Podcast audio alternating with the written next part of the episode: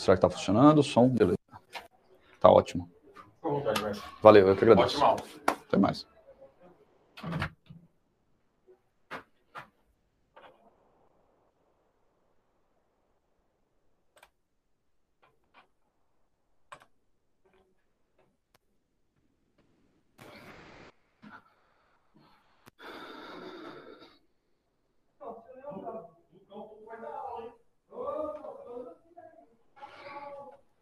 Olá, você, bom dia. Vamos lá?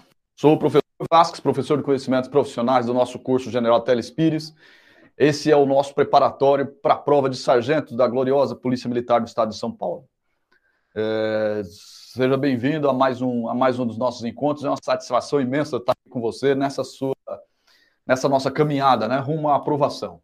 Nossa prova em janeiro, né? Prova já aí batendo as nossas portas, né? Nós estamos falando sobre procedimentos operacionais padrão, dentro dessa nossa matéria de conhecimentos profissionais. Então, nós já falamos sobre uma série de procedimentos operacionais padrão. Nós estamos falando especificamente do POP de escolta, escolta de presos. Nós começamos esse tópico no nosso último encontro e vamos dar seguimento nele hoje. Né? Então, nós vamos encerrar eh, esse procedimento operacional padrão que trata de escolta e nós vamos falar um pouco sobre instruções continuadas de comando.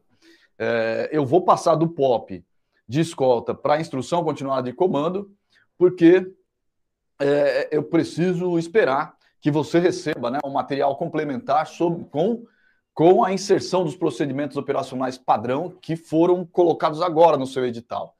Então, como a gente já vinha trabalhando com procedimento operacional padrão, eu vou terminar o POP de escolta e a gente vai começar a falar sobre instruções continuadas de comando, depois, quando você tiver em mãos o, o, o POP de arma de incapacitação neuromuscular, o POP de câmeras operacionais portáteis, o POP relacionado lá com as é, com as ocorrências envolvendo a Lei Maria da Penha, aí eu volto e falo novamente sobre esses POPs aí que foram inseridos depois, né, que foram inseridos nesse nosso edital especificamente, tudo bem? Então não é que eu vou parar de falar de POP e a gente não vai mais voltar a falar sobre eles. Não, depois eu volto e aí a gente complementa falando desses procedimentos operacionais aí que foram colocados só agora no seu edital. Tudo bem? Então vamos encerrar esse papo de escolta? No nosso encontro passado, eu tinha falado para você sobre aquela parte inicial, farei, falei sobre é, o primeiro momento da escolta, que é esse em que você faz a preparação, tem que ter aquela análise sobre a quantidade de preso, destino, periculosidade, a quantidade de efetivo que vai ser necessário, tudo isso aí está dentro desse aspecto de preparação. Né? é um pouquinho mais difícil de cair em prova, você não tem tantas questões assim sobre, esse, sobre essa parte do procedimento operacional padrão, mas lá nos esclarecimentos tem uma informação que é relevante, que é essa aqui, sobre a quantidade mínima de viaturas que devem ser empregadas nesse procedimento de escolta, né? A quantidade mínima de viatura que deve ser empregada nos processos de escolta. Então, para a SAP, eu tenho uma viatura com quatro policiais, para, os presos que se originam da Secretaria de Segurança Pública, aqueles que estão em cadeias públicas, eu preciso de duas viaturas, uma que vai estar transportando o preso e que vai ter pelo menos dois policiais, e uma outra que vai estar acompanhando, que vai ser a escolta propriamente dita, com dois policiais também. Aí nós temos lá que no velório, naquelas escoltas para velório, eu preciso de pelo menos duas viaturas com quatro policiais em cada uma, é, aquelas escoltas originárias de presídios femininos, eu preciso de pelo menos uma policial militar por equipe e o preso e aquela informação de que o preso que é doente ou que está em tratamento de saúde ele vai ser transportado em veículo apropriado para esse fim. Né?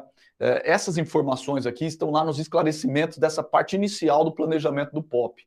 Então é questãozinha que na prova tem grande chance do examinador ele querer cobrar alguma coisa a respeito disso daqui, né? Porque envolve número, né?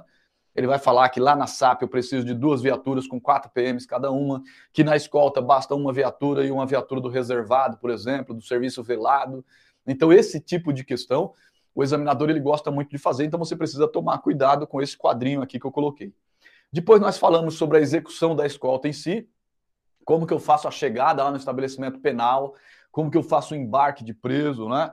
como que eu faço é, é, a revista dos presos, né? a revista do ambiente, a revista do veículo, a revista dos presos, como que eu tomo medidas corretivas em caso de tentativa de fuga, se for localizado algum objeto lícito ou ilícito com o preso, o que, que eu faço nesses casos, está tudo lá descrito no POP. o que, que eu faço ali com o medicamento do preso, questãozinha que já caiu em prova, né? O preso ele pode levar o medicamento consigo? Não. Quem vai levar é o agente, né? O agente penitenciário, ele que leva a quantidade de medicamento necessário para a dose que o preso vai tomar no deslocamento ou durante o período que ele vai ficar fora da unidade, né? Então, o agente penitenciário leva esse negócio e vai ministrar. Leva o remédio e vai fazer, e vai ministrar o remédio lá para o preso. Né? O preso não vai levar consigo, exceto se for aquela bombinha lá de, de que, que, as pessoas que têm asma utilizam, que têm problemas respiratórios utilizam, aquela bombinha é, de broncodilatador, né? Essa daqui vai com o preso. Essa questãozinha caiu em prova uma vez, uma prova é, do CAS, do curso de aperfeiçoamento de sargentos, essa prova, essa questão caiu para eles. Então, nós falamos sobre essa parte de execução, falamos também sobre o deslocamento terrestre, sobre como se deve, como deve se dar esse deslocamento, né? Que a viatura tem que ir pela faixa da esquerda, prioritariamente, né? Que é, como que se deve fazer a passagem em pedágio com, com sinais luminosos e sonoros acionados, a atenção que se deve ter em locais de baixa velocidade. Depois nós falamos das formações, né? Com viaturas se eu tenho uma viatura só, ela vai à retaguarda. Se eu tenho duas viaturas, uma vai à frente. Se eu tenho duas viaturas, uma vai à frente e a outra retaguarda do, do veículo lá que está transportando os presos. Essa viatura que vai à retaguarda é do comandante da escolta. É do comandante da escolta. Né? Se eu tenho três viaturas, uma vai na frente, outra, outra, outra retaguarda, o veículo do, do, comandante da escolta vai à retaguarda do veículo que está transportando os presos, e a terceira viatura ela vai lançada à frente como viatura precursora, ela vai a 4 quilômetros à frente do comboio e é ela que vai observando, analisando o ambiente. Né? Se tiver um pedágio, por exemplo, na frente, é essa viatura que vai preparar a cabine por onde as outras vão passar, ela vai esperar que o comboio passe e depois ela vai tomar novamente é, aquela posição à frente do comboio, 4 quilômetros à frente do comboio. Então, se eu tenho três viaturas, uma atrás do bonde, outra à frente do bonde e uma outra lançada 4 quilômetros à frente. Se eu tenho quatro viaturas, é, eu mantenho essa formação em três e a outra ela vai ser uma viatura que vai permanecer na lateral. Quatro ou mais viaturas, as demais permanecem ali na lateral, é, uma delas fazendo serra-fila, aquela triagem dos veículos que vai passar pela escolta, que vão passar pela escolta, se for o caso de passar. Né? Então, essas formações aí também é interessante de saber. Né? É, é, um pouquinho mais complicado de cair em prova, dificilmente o examinador vai cobrar esse tipo de coisa, mas é, é sempre relevante a gente saber como montar, então, um comboio com uma viatura, com duas, com três viaturas e assim por diante. Tudo bem? Também tem algumas regrinhas lá que falam sobre a tentativa de resgate. A gente tem que lembrar que é, no POP de acompanhamento e cerco de veículos existe uma determinação que eu nunca faço disparo né, com a viatura em movimento. Inclusive, tem CC recente falando isso. Né? Não posso, em hipótese nenhuma, fazer disparo é, de dentro da viatura com a viatura em movimento. Por quê? Porque eu não tenho controle do disparo, né? não tenho controle de, é, da, da, da, qualidade desse disparo realizado. Agora, na escolta de presos, se houver uma tentativa de resgate, o POP ele prevê que eu vou revidar e que eu não vou parar o comboio. Então tem que tomar cuidado com isso. Numa tentativa de resgate de presos, eu paro o comboio para poder revidar? Não. Eu continuo o fluxo normalmente, vou revidar a agressão que eventualmente sofra armada, mas eu vou me manter em deslocamento. Tudo bem? Isso está previsto no nosso POP. Se tiver problemas com as viaturas, é óbvio, né? Se eu tenho uma viatura só de escolta e um bonde só, eu paro o comboio tomo posição de segurança, paro no local minimamente seguro, tento chegar até um estabelecimento é, prisional próximo, se tiver condições, onde eu vou poder ficar protegido, né? Eu coloco, me coloco numa situação segura, desembarco e faço a segurança até que uma viatura venha para fazer a substituição da escolta.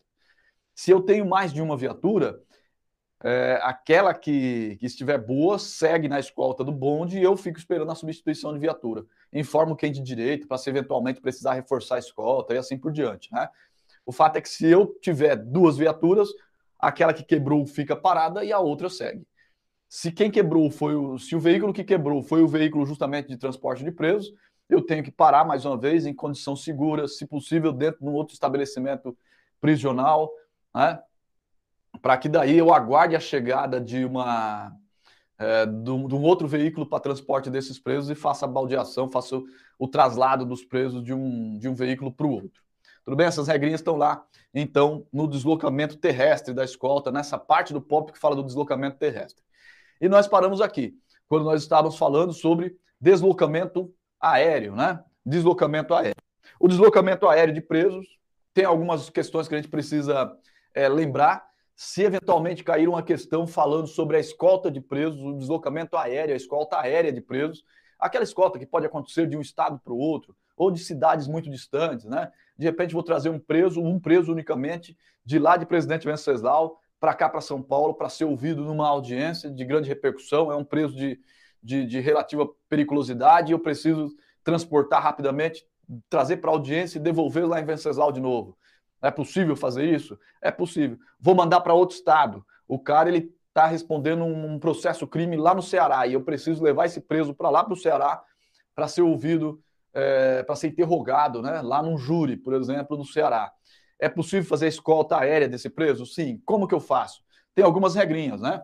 A gente tem que lembrar que na escolta aérea, a escolta aérea ela envolve, primeiro, um presídio onde o preso está, ou o local de detenção do, pre, do, do preso, um deslocamento de escolta, uma escolta realizada aqui em terra até o aeroporto.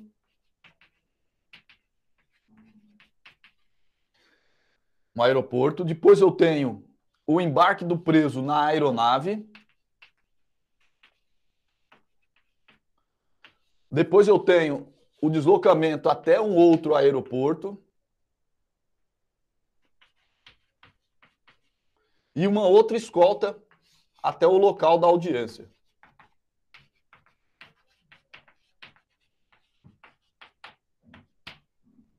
Então não é um negócio fácil, né? Fazer escolta aérea não é um negócio fácil. E depois eu tenho tudo isso aqui de volta também, né? Eu tenho o retorno, eu tenho a ida e eu tenho a volta. Parece complexo, mas no final das contas não é, né? É, o POP ele prevê que alguém vai fazer essa escolta aqui. Aqui é uma escolta terrestre, né? Então aqui eu não preciso me preocupar. Essa escolta terrestre aqui, é, ela se dá da mesma forma que, a, que as demais escoltas terrestres. Então não preciso ficar me preocupando muito com ela. A questão é só que o POP ele fala que eu preciso chegar com essa escolta aqui no aeroporto de embarque pelo menos duas horas antes com pelo menos duas horas de antecedência. O POP prevê isso daí. Ah, mas eu não consegui chegar com duas horas. Tudo bem, na prática não importa isso. Cheguei com três horas, cheguei com uma hora e meia, não faz diferença. O que importa é que no POP ele fala que pelo menos duas horas de antecedência. Para quê? Para que eu possa fazer os procedimentos de embarque. Não é a mesma coisa embarcar dois policiais militares armados, né, com um preso dentro de uma aeronave e eu embarcar com as minhas coisas para fazer uma viagem. Então eu chego duas horas antes no aeroporto, pelo menos. E aí eu faço o quê? Quando eu, quando eu chego no aeroporto, quando a escolta ela chega no aeroporto, ela vai para onde? Ela vai lá para o local onde há um posto da Polícia Federal dentro do, do, do aeroporto, né? É, para esses voos interestaduais, você vai ter um, um, posto da Polícia Federal lá dentro do aeroporto. É para lá que eu vou com o preso. Posto da Polícia Federal. Legal? A escolta vai para lá, então. É dali que o preso vai ser embarcado. É aqui desse posto que o preso vai ser embarcado. Então, chego lá, a escolta vai chegar, vai passar para os policiais que vão estar fazendo a escolta do preso na aeronave. São os mesmos? Não, não são os mesmos. Os policiais que vão fazer a escolta, eles devem estar aqui esperando. Eles vão estar aqui esperando. Essa escolta terrestre aqui, ela vai ser feita geralmente por uma outra equipe. Geralmente por outra equipe. Por quê? Porque os policiais que vão escoltar o preso na aeronave, eles vão estar em estradas civis. Esses policiais eles estarão em trajes civis. Pensa que para fazer escolta terrestre aqui fica mais complicado, né? Então esses policiais estarão em trajes civis e com colete dissimulado. Eu coloquei isso aí até ali no nosso, no nosso slide. Ó, 2 PM no mínimo para cada preso. Dois policiais para cada preso, pelo menos. Os policiais eles vão civilmente trajados e o preso também. E ambos vão com colete de proteção balística, os policiais e o preso também. Tudo bem? Então, esses policiais vão estar aqui. Um policial fica lá com o preso na escolta, no posto da Polícia Federal, o outro policial vai lá fazer todo o desembaraço para o embarque. Né? Ele vai fazer o check-in, ele vai é, é, é, resolver com a Polícia Federal essa questão de, de, de embarque armado dos policiais no, no, avião e assim por diante. Terminada essa questão aqui no, no posto da Polícia Federal, nós temos o embarque na aeronave. Tem uma regrinha no POP que fala que os policiais e o preso, eles embarcam primeiro. A escolta embarca primeiro e vai lá para os últimos assentos da aeronave. Está previsto isso no POP. Do, é, é, os policiais, eles, a escolta embarca primeiro, toma os últimos assentos da aeronave e só depois é liberado o restante, da, o restante dos passageiros para embarcarem no avião. É, esse esse deslocamento do posto da Polícia Federal lá para o avião, lá para a aeronave, para o local de embarque, ele é feito com apoio da Polícia Federal, é feito com apoio da administração ali do, do, do aeroporto, né? Então, sabendo que tem policiais escoltando um preso, naturalmente vai ter lá funcionários do aeroporto que vão é, encaminhar os policiais para que eles façam um acesso mais, mais simples, né? Do posto da Polícia Federal até lá na aeronave. Então, fez um embarque legal. Preferencialmente, é, o preso, naqueles aviões que tem três fileiras de cadeira, o preso vai sentado no meio um policial de cada lado. Se, forem, se for um avião que tenha só duas fileiras de cadeira, o preso vai lá do lado da parede, do lado da janela, né, ele vai do lado da fuselagem da aeronave, né, na janela, o outro policial ele vem no corredor sentado e o, terceiro, e o segundo policial do outro lado do corredor, na poltrona ali paralela. Né? Deve-se, é, é, tudo que tiver que trabalhar, tudo que tiver que falar com o preso, vai falar antes do embarque. Não vai comentar nada, conversar com ele, vai evitar de conversar com o preso durante o voo.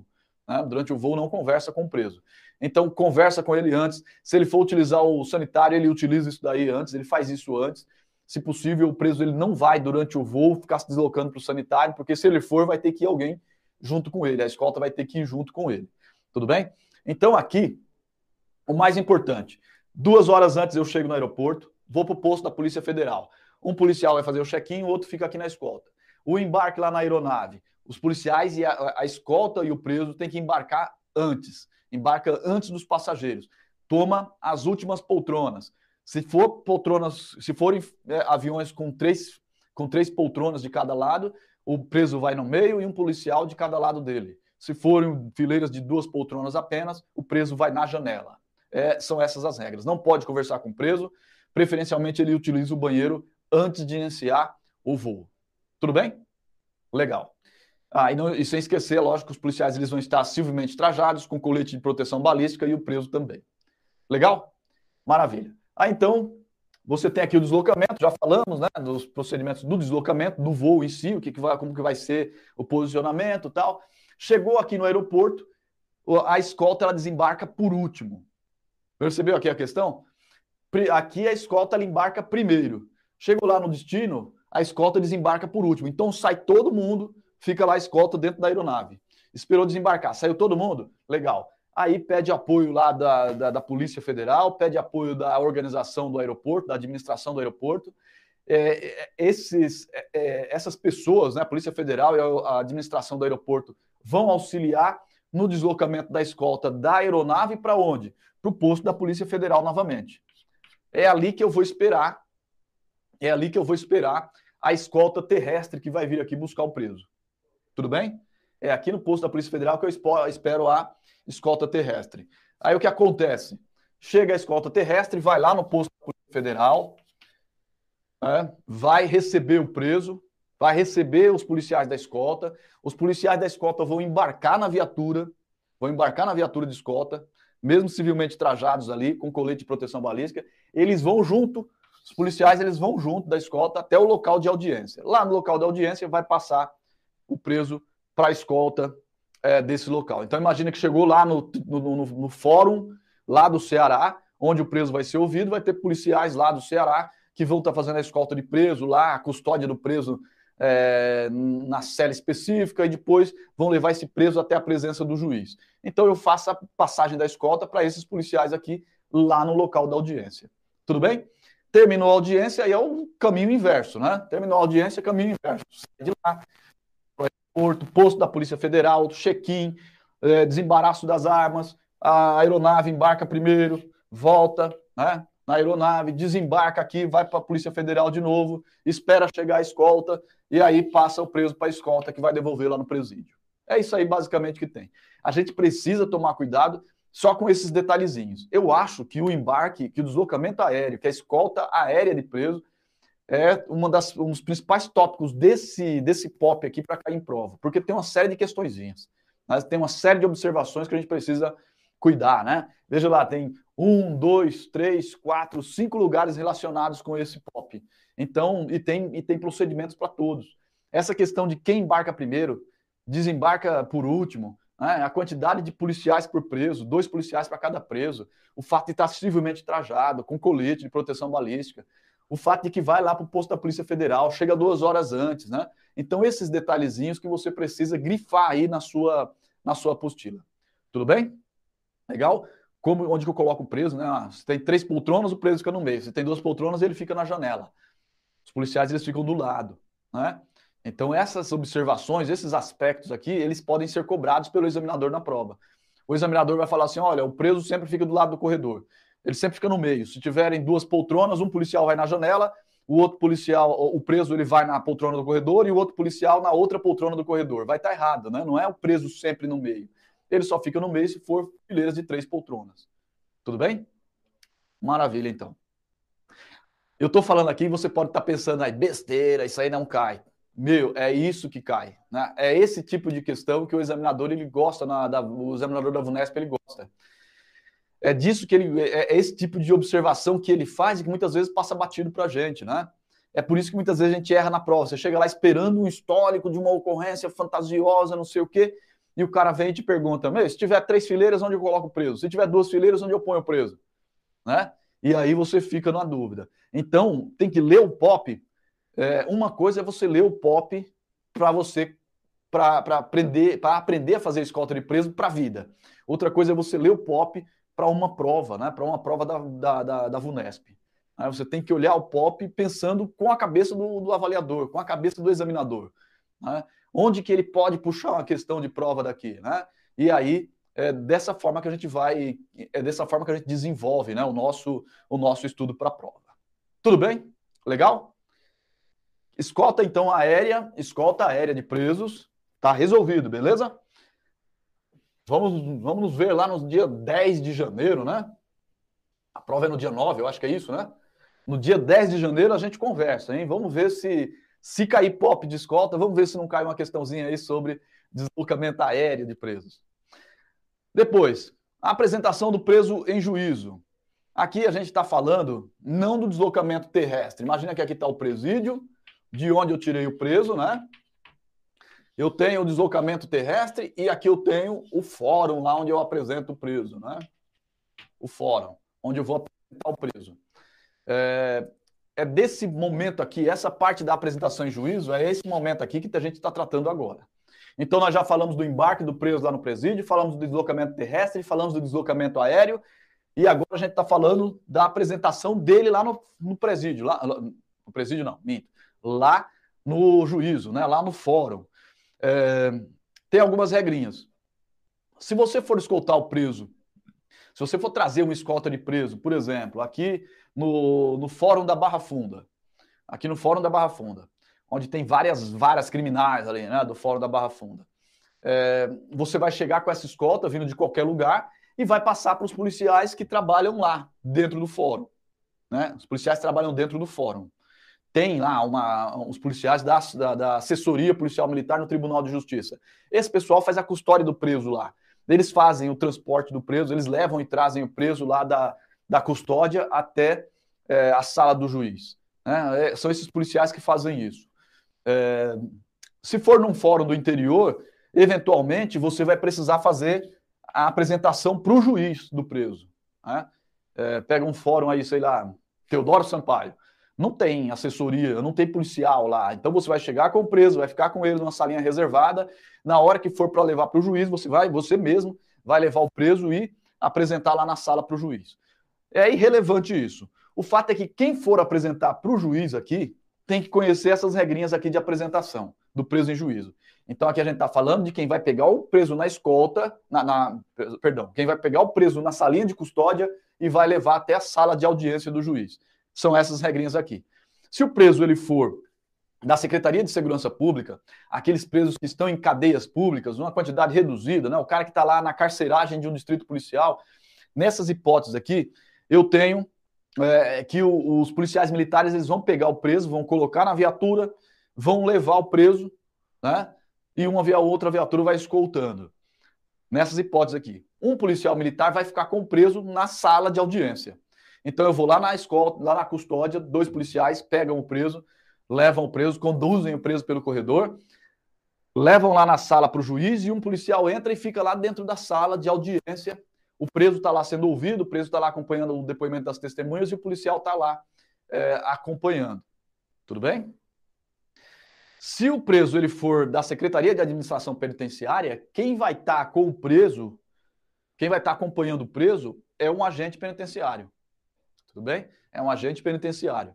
Aí o agente penitenciário vai com o preso até lá dentro da sala do juiz. E os policiais? Os policiais eles vão acompanhando o agente, fazendo a escolta do agente penitenciário e ficam do lado de fora. O, o agente entra, os policiais eles ficam do lado de fora da sala de audiência.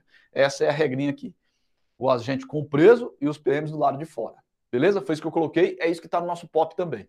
Aí você vai falar assim: ah, mas lá onde eu trabalho, o preso da SAP vem, a gente assume do agente e leva. Eu, não importa para mim é, como que você faz na prática lá na sua unidade, como que se desenrola lá na sua unidade. Isso aí não importa nem para mim, também não deve importar para você na hora da prova. O que importa é que o POP fala. Preso da SSP, um policial com ele dentro da sala e o outro policial do lado de fora. Legal? Preso da SAP, o agente de escolta penitenciária com o preso lá dentro e os policiais do lado de fora. É, nesse deslocamento da sala de custódia até lá na apresentação para o juízo, eu não posso permitir o contato do preso com outras pessoas. Né? Geralmente vai ter é, é, é uma ocasião em que é, a família tenta conversar com o preso, né? Então é comum você estar tá lá nos corredores da Barra Funda e ter a família do preso ficar sentada ali no, no caminho, na passagem, sabe que o preso vai ser ouvido numa audiência quer ter oportunidade de conversar alguma coisa com ele, de falar alguma coisa, quer que o preso veja alguém que faz tempo que ele não vê.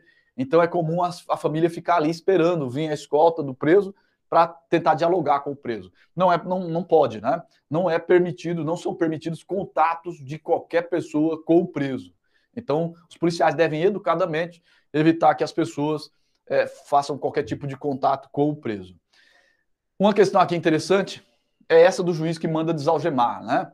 É, pode acontecer da escolta ela chegar na sala de audiências e o juiz falar assim, olha, tira os algemas do preso, é, deixa o preso desalgemado. O que, que o POP ele fala para a gente fazer nesse caso aqui? Ele fala para gente, é, a gente solicitar a confirmação da ordem com o juiz, mais ou menos. Eu vou falar para ele, falar, excelência, é, o preso é um preso de alta periculosidade, não é recomendável que ele fique sem as algemas é, o senhor não quer reconsiderar essa ideia, não, não, é melhor que ele permaneça algemado? Se o juiz falasse, não, eu quero que desalgeme o preso, o que é que eu faço? Desalgemo o preso e deixo desalgemado. Tudo bem? E aí eu vou ter que redobrar as minhas cautelas, porque o preso vai estar desalgemado ali durante a audiência. Então o POP ele não prevê que eu brigue com o juiz, que eu discuta com o juiz, que eu mantenha o preso algemado, porque é, sou eu que decido. Tudo bem? Se o juiz falou para desalgemar, eu oriento que é melhor não. Se ele mantiver a ordem, se ele determinar que o preso seja desalgemado, o que, é que eu faço? Tiro as algemas do preso, então. Tá certo? E daí, na hora que eu for conduzi-lo de novo para a custódia, terminou a audiência, eu vou lá, faço o algemamento novamente, levo o preso para a custódia e de lá de volta para o presídio. Legal? Tudo bem? Não dúvidas, né? Essa parte aqui de apresentação do preso em juízo, muito tranquilinha. É, o, o, que, é, o, que, o que eu tenho que tomar cuidado é que na hora da prova, se houver qualquer previsão de que eu discuta com o juiz por qualquer razão, está errado. Né? Eu nunca vou ficar discutindo com o juiz. É, o POP ele não fala, por exemplo, se o juiz mandar eu sair da sala. Né? Imagina, imagina uma situação concreta em que eu estou lá escoltando um preso, o POP ele fala que um policial vai ficar dentro da sala de audiência e o outro policial vai ficar do lado de fora. Imagina que eu chego, o juiz fala assim, fala, meu, eu não quero ninguém dentro da sala. Não quero nenhum policial do lado de dentro da sala, eu quero que você fique lá fora esperando. Né? Vou discutir com o juiz? Eu vou falar para ele, falar, excelência, é melhor não, né? Já mandou desalgemar o preso, agora quer que eu saia também? É um preso de alta periculosidade, aquela questão toda. Explico tudo novamente para o juiz. Se ele falar para sair, eu saio. Né? E fico do lado de fora da sala e deixo o mundo acabar lá dentro. Tudo bem? Então, é, o que vai estar tá errado? Sempre vai estar tá errado qualquer tipo de assertiva que fala que eu vou discutir com o juiz. Se tiver previsto isso daí, está errado. O POP prevê que o policial saia da sala e deixe o preso lá dentro sozinho com o juiz? O POP não prevê isso. Mas se houver uma assertiva falando que eu vou discutir com o juiz para não sair da sala, tá errado também, porque o POP não fala isso. Legal? Tá bom? Maravilha, então. Escolta de preso em locais de tratamento de saúde. Aqui, ao invés da apresentação ser feita lá no fórum, eu vou fazer a apresentação num estabelecimento qualquer de tratamento de saúde. É possível de fazer. Eu saio com o preso, eu saio com o preso para apresentar numa consulta médica, para passar por um procedimento cirúrgico, para passar por uma consulta médica, consulta dentista, psicólogo, psiquiatra, sei lá, qualquer desses lugares aí. Eu pego o preso, deslocamento terrestre, faço um embarque, deslocamento terrestre, cheguei lá no estabelecimento de saúde.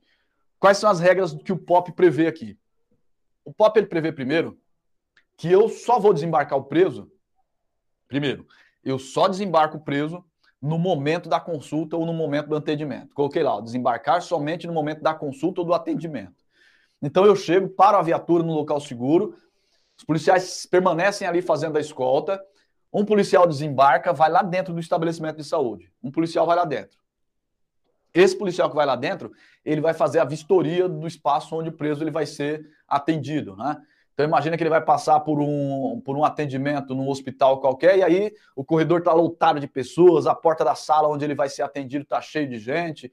Então esse policial que vai desembarcar primeiro, ele tem a finalidade de vistoriar o local e afastar as pessoas da, das proximidades. Então ele vai, vai dar uma olhada no corredor, vai pedir que as pessoas se, se afastem, né? Vai ver lá com o funcionário do, do hospital ou da clínica ou do consultório, sei lá.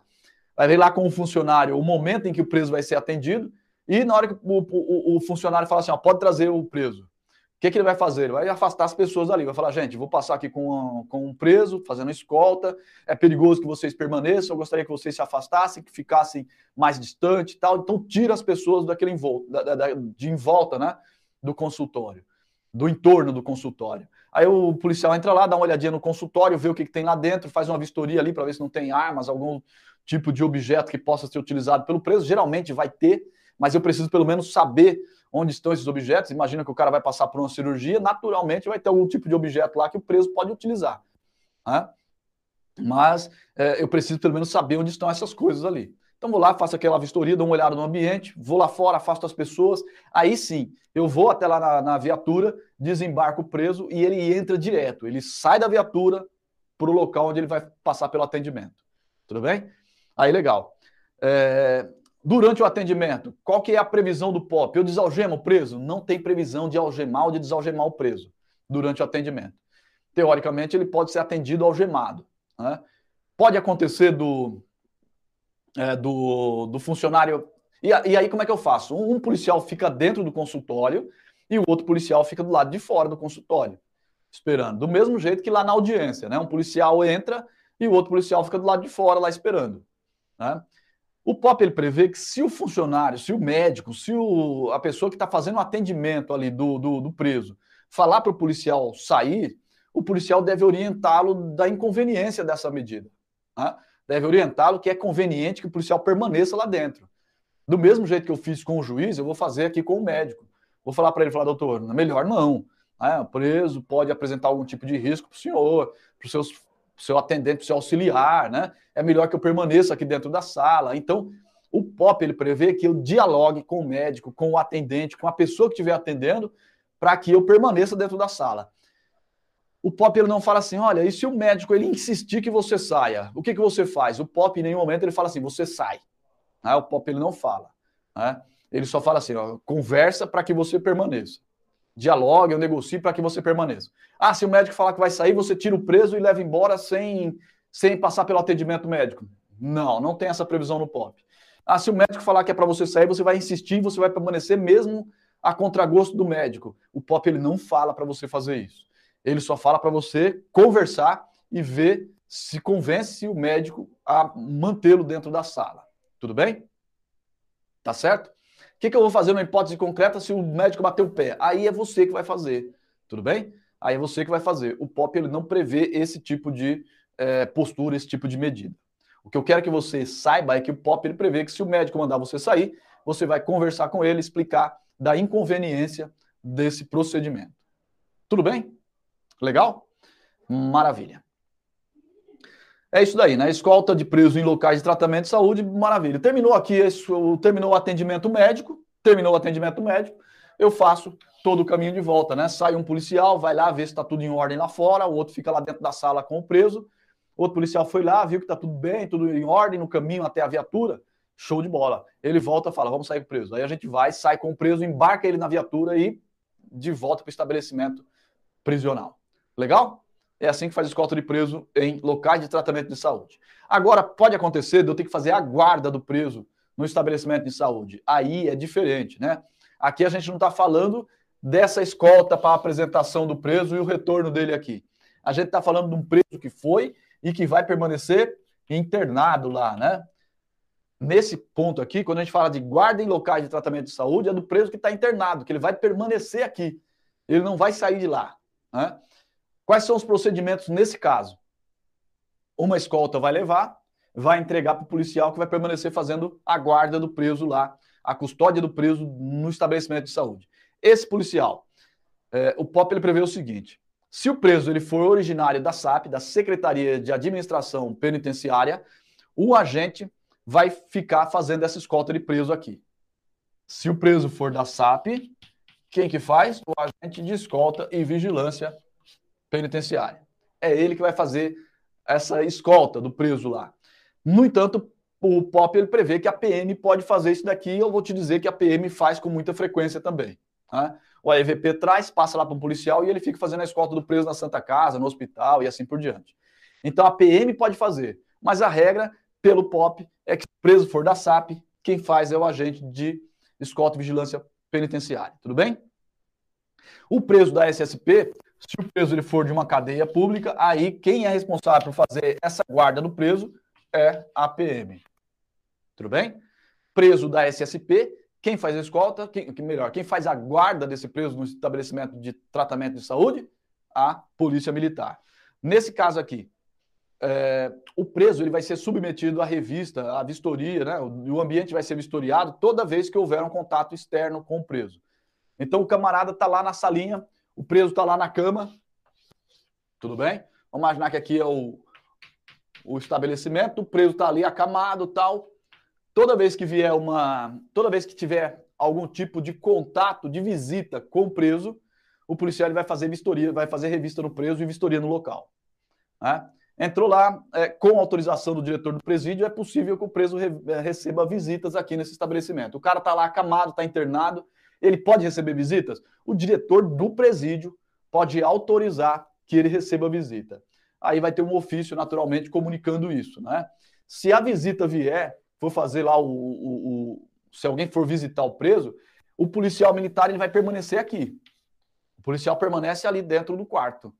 Né? Aí a visita entra, vai lá, conversa com o preso durante o tempo que for determinado que ela permaneça. Conversou lá com o preso tal, a visita vai sair. A visita saiu, eu vou lá, dou uma olhadinha na cama, revisto a cama para ver se a visita não deixou nada ali para o preso, uma chave de algema, uma arma, algum objeto né, que o preso possa utilizar. Dou um, faço a revista no preso para ver se não tem nada nos bolsos dele e tal. Então, toda vez que tiver contato externo com o preso, revista nele e vistoria no local. Legal? É isso que está previsto ali.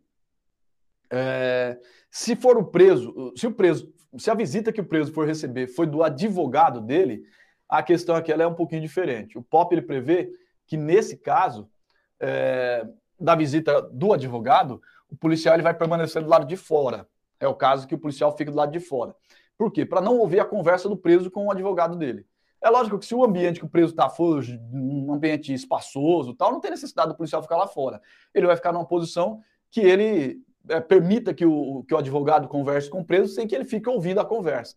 Então, o POP ele só fala que não é para o policial ficar lá em cima do preso ali, ouvindo o que, que ele está discutindo com o advogado dele. Essa entrevista com o advogado, ela deve ser sempre reservada, né? Então, o advogado vem visitar o preso. Está autorizado? Tá.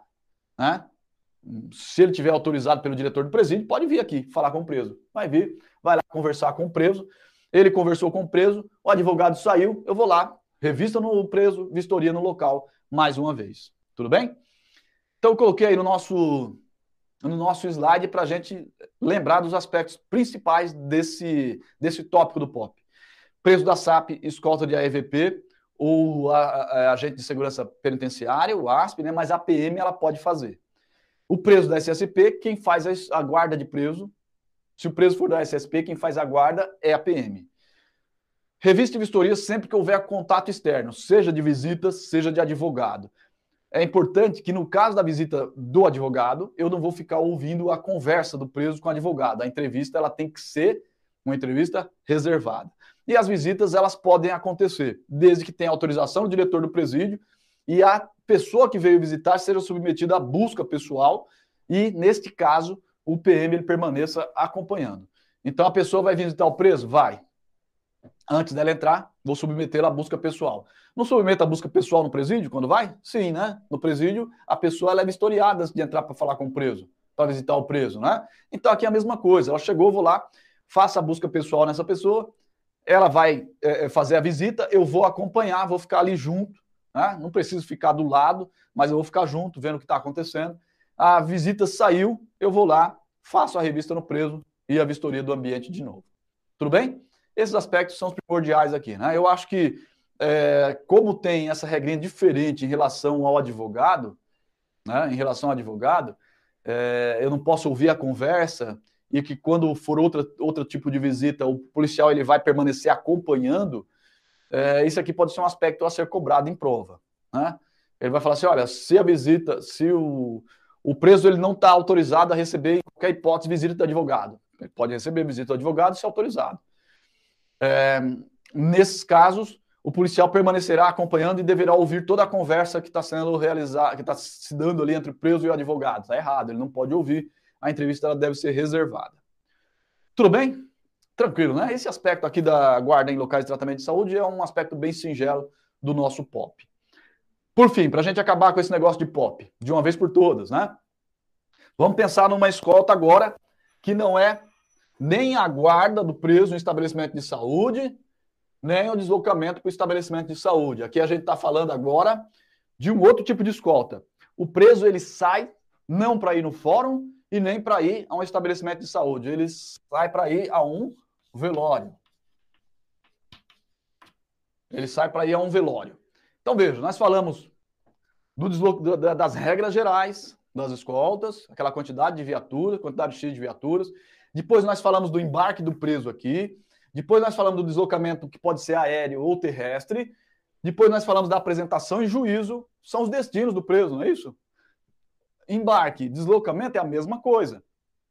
Embarque, deslocamento é a mesma coisa. Aí nós temos os diversos destinos para onde o preso pode ir.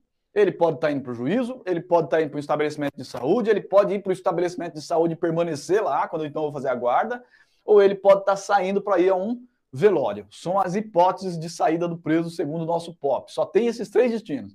Ou o cara ele vai para o juízo, ou ele vai para o atendimento médico, ou ele vai acompanhar o velório de alguém. É isso aí, mais nada. Tudo bem? Caso do velório.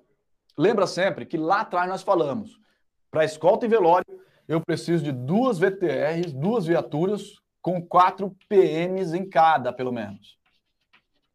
Tudo bem? Essa é a regrinha eu tenho que ter duas viaturas com quatro policiais militares em cada uma delas, pelo menos para fazer uma escolta de preso ao velório. Quais são as regrinhas? Eu só posso fazer essa escolta durante o dia. Se o velório ele for acontecer só no período noturno, não há possibilidade de fazer a escolta. É, houver uma requisição de escolta para período noturno, eu vou negar, falando assim: olha, não pode fazer escolta de preso em velório durante a noite, só faço durante o dia. Beleza? Segundo o POP é isso. Eu peço para o meu P2, para o meu serviço reservado, fazer uma análise do ambiente antes. Então eu estou lá no presídio, pronto para sair com a escolta. Eu falo, P2, dá uma encostada lá no velório vê o que está acontecendo lá. Aí o P2 vai lá, dá uma analisada nas pessoas que estão, no ambiente, na forma como está, na, na, nas imediações, né? vai tentar levantar o máximo de informações. É, de repente, a pessoa que morreu era justamente o irmão do preso que morreu num confronto com a PM. O fato de eu chegar lá com a escolta de policiais militares pode dar algum tipo de novidade. Então, esse tipo de informação é, é o P2 que vai levantar. Aí o P2 vai lá, fez essa avaliação do ambiente, levantou essas informações, passou para mim. O que, que eu vou fazer? Eu vou me deslocar com duas equipes, eu tenho duas equipes. Uma dessas equipes ela vai à frente, né? Uma dessas equipes vai ser precursora, ela vai chegar antes lá no velório e vai fazer a preparação do espaço. Preparação do espaço. Ela vai dizer: olha, vou, vai parar a viatura da escolta ali, o preso vai desembarcar lá, ele vai vir por esse caminho aqui, até ali onde está o féretro lá, até onde está o caixão lá com, com a pessoa que está sendo velada. Né? Então é esse caminho que vai fazer. É, essa equipe precursora ela vai limpar esse ambiente aqui, vai falar, ó, sai todo mundo, não fica ninguém, não pode ter ninguém aqui perto do caixão na hora que chegar o preso para visitar. Né? Então isso daí é, é uma regrinha que está no POP. O local onde o preso vai estar não vai ficar ninguém mais. É só a escolta, o preso e o morto. Mais ninguém. Beleza? Essa equipe precursora, então, ela tem essa finalidade aqui de ir e preparar o ambiente. Aí ela vai preparar o ambiente, legal. Aí eu, na hora que ela fala assim, ó, tá ok, legal. Aí eu termino de encostar com a escolta, desembarco o preso, ele vai entrar, eu vou falar quanto tempo ele vai ficar. De acordo com as características do local, de acordo com a minha necessidade, de acordo com a necessidade do caso, enfim. Eu que vou deliberar, é a escolta que delibera quanto tempo o preso fica. Se falar assim, ah, é cinco minutos, é cinco minutos. Ele vai ficar lá, cinco minutinhos, volta para a viatura e se joga de novo de volta para o presídio. Beleza? Então, a escolta no presídio, escolta em velório é muito tranquilo. É, eu só tenho que observar esses detalhes, né? Duas viaturas, quatro policiais em cada uma. Eu só faço escolta em velório durante o dia, segundo o POP. Uma viatura é precursora, ela vai na frente para limpar o ambiente, mas nem por isso eu posso abrir mão de mandar o P2 antes para levantar informações. De repente o P2 chega lá e fala assim: chefe, é melhor não mandar a escolta aqui. Se chegar viatura aqui com, com Mike, viatura com policiais militares, vai dar novidade. Né? O pessoal aqui é totalmente arredio, avesso a PM, tem é, pessoas com cartazes de PM assassina, qualquer coisa do gênero, vai dar Zulu se vier. O P2 pode chegar e falar dessa forma, e aí eu vou negociar para que a escolta ela não aconteça lá no velório. Tudo bem? Legal? Tranquilo então. Última observação antes da gente fechar esse pop de escolta, que é um pop gigante, né? É um pop enorme e tem muitos detalhes. Né? Tem muitos detalhes. Se o examinador quiser cobrar na prova, ele vai dar novidade para a gente. Tá certo? Então, tem que prestar atenção. Último detalhe aqui para a gente encerrar então esse POP. Algemas em gestantes. O POP ele disciplinou em atendimento às, às normativas é, que existem aí em âmbito federal, em âmbito estadual, quanto a essa matéria, e que não cabe a gente ficar aqui discutindo agora, porque não seria proveitoso para o nosso, nosso bate-papo, mas que está lá descrito no POP, inclusive quais as normas você deve consultar. Eu reuni aqui, nesse último slide, algumas observações sobre o uso de algemas em gestantes. É, o POP, mais de uma oportunidade, ele fala que eu não posso empregar algemas em gestantes a partir da vigésima semana e até 30 dias após o parto. Essa é a regra do negócio. A partir da vigésima semana, eu não algemo a gestante. E depois que ela ganhou a criança, 30 dias após o parto, após o parto, eu também não vou fazer o algemamento da gestante. Tudo bem? Aí eu vou fazer a escolta. A, a gestante ela está presa. Ela vai ser escoltada lá para o estabelecimento de saúde, onde ela vai ganhar a criança, onde ela vai ter o bebê, onde ela vai dar a luz ao bebê. Nesse espaço de tempo, nesse trajeto do estabelecimento para o hospital, ela também não vai algemada, não fugiu da regra ela já não podia ser algemada da vigésima semana para cá, no trajeto ela também não pode. Não é porque ela está sendo escoltada que eu vou algemar. Só você imaginar, a mulher está em trabalho de parto, eu vou algemá-la para quê? Né? Vou algemá-la para quê? É, então, nesse deslocamento, ela não pode ser algemada. Também não pode ser algemada durante o trabalho de parto, é óbvio. Está lá o pessoal fazendo parto, está lá, fazer uma cesárea na mulher e ela lá algemada, algemada na cama. Não, sem condições, né? Isso não pode acontecer, é vedado pelo POP, é vedado pela legislação de modo geral também.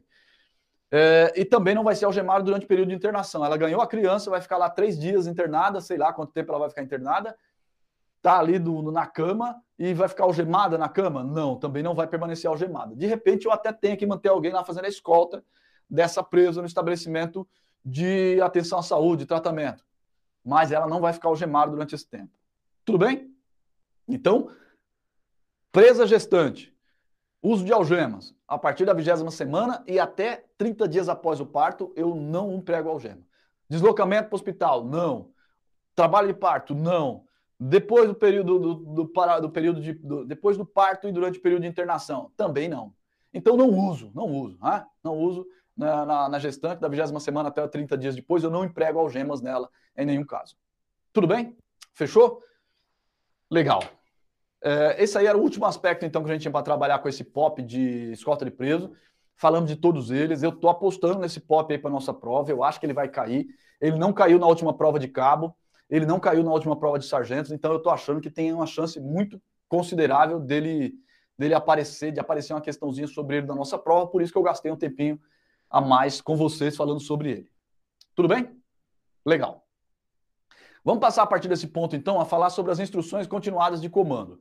Nós, como eu disse no comecinho, para quem chegou depois, é, nós ainda temos alguns POPs para a gente trabalhar. Tem pelo menos aí mais três POPs que a gente não vai falar agora, que eu não vou falar agora, por quê? Porque eu estou esperando que você receba o material complementar que nós preparamos. São procedimentos operacionais padrão que não estavam previstos no último edital de sargentos e que foram colocados só agora no seu edital. Então depois eu falo deles. Um pouquinho antes aí do, encerramento dos nossos encontros, eu falo desse pop, desses POPs com vocês.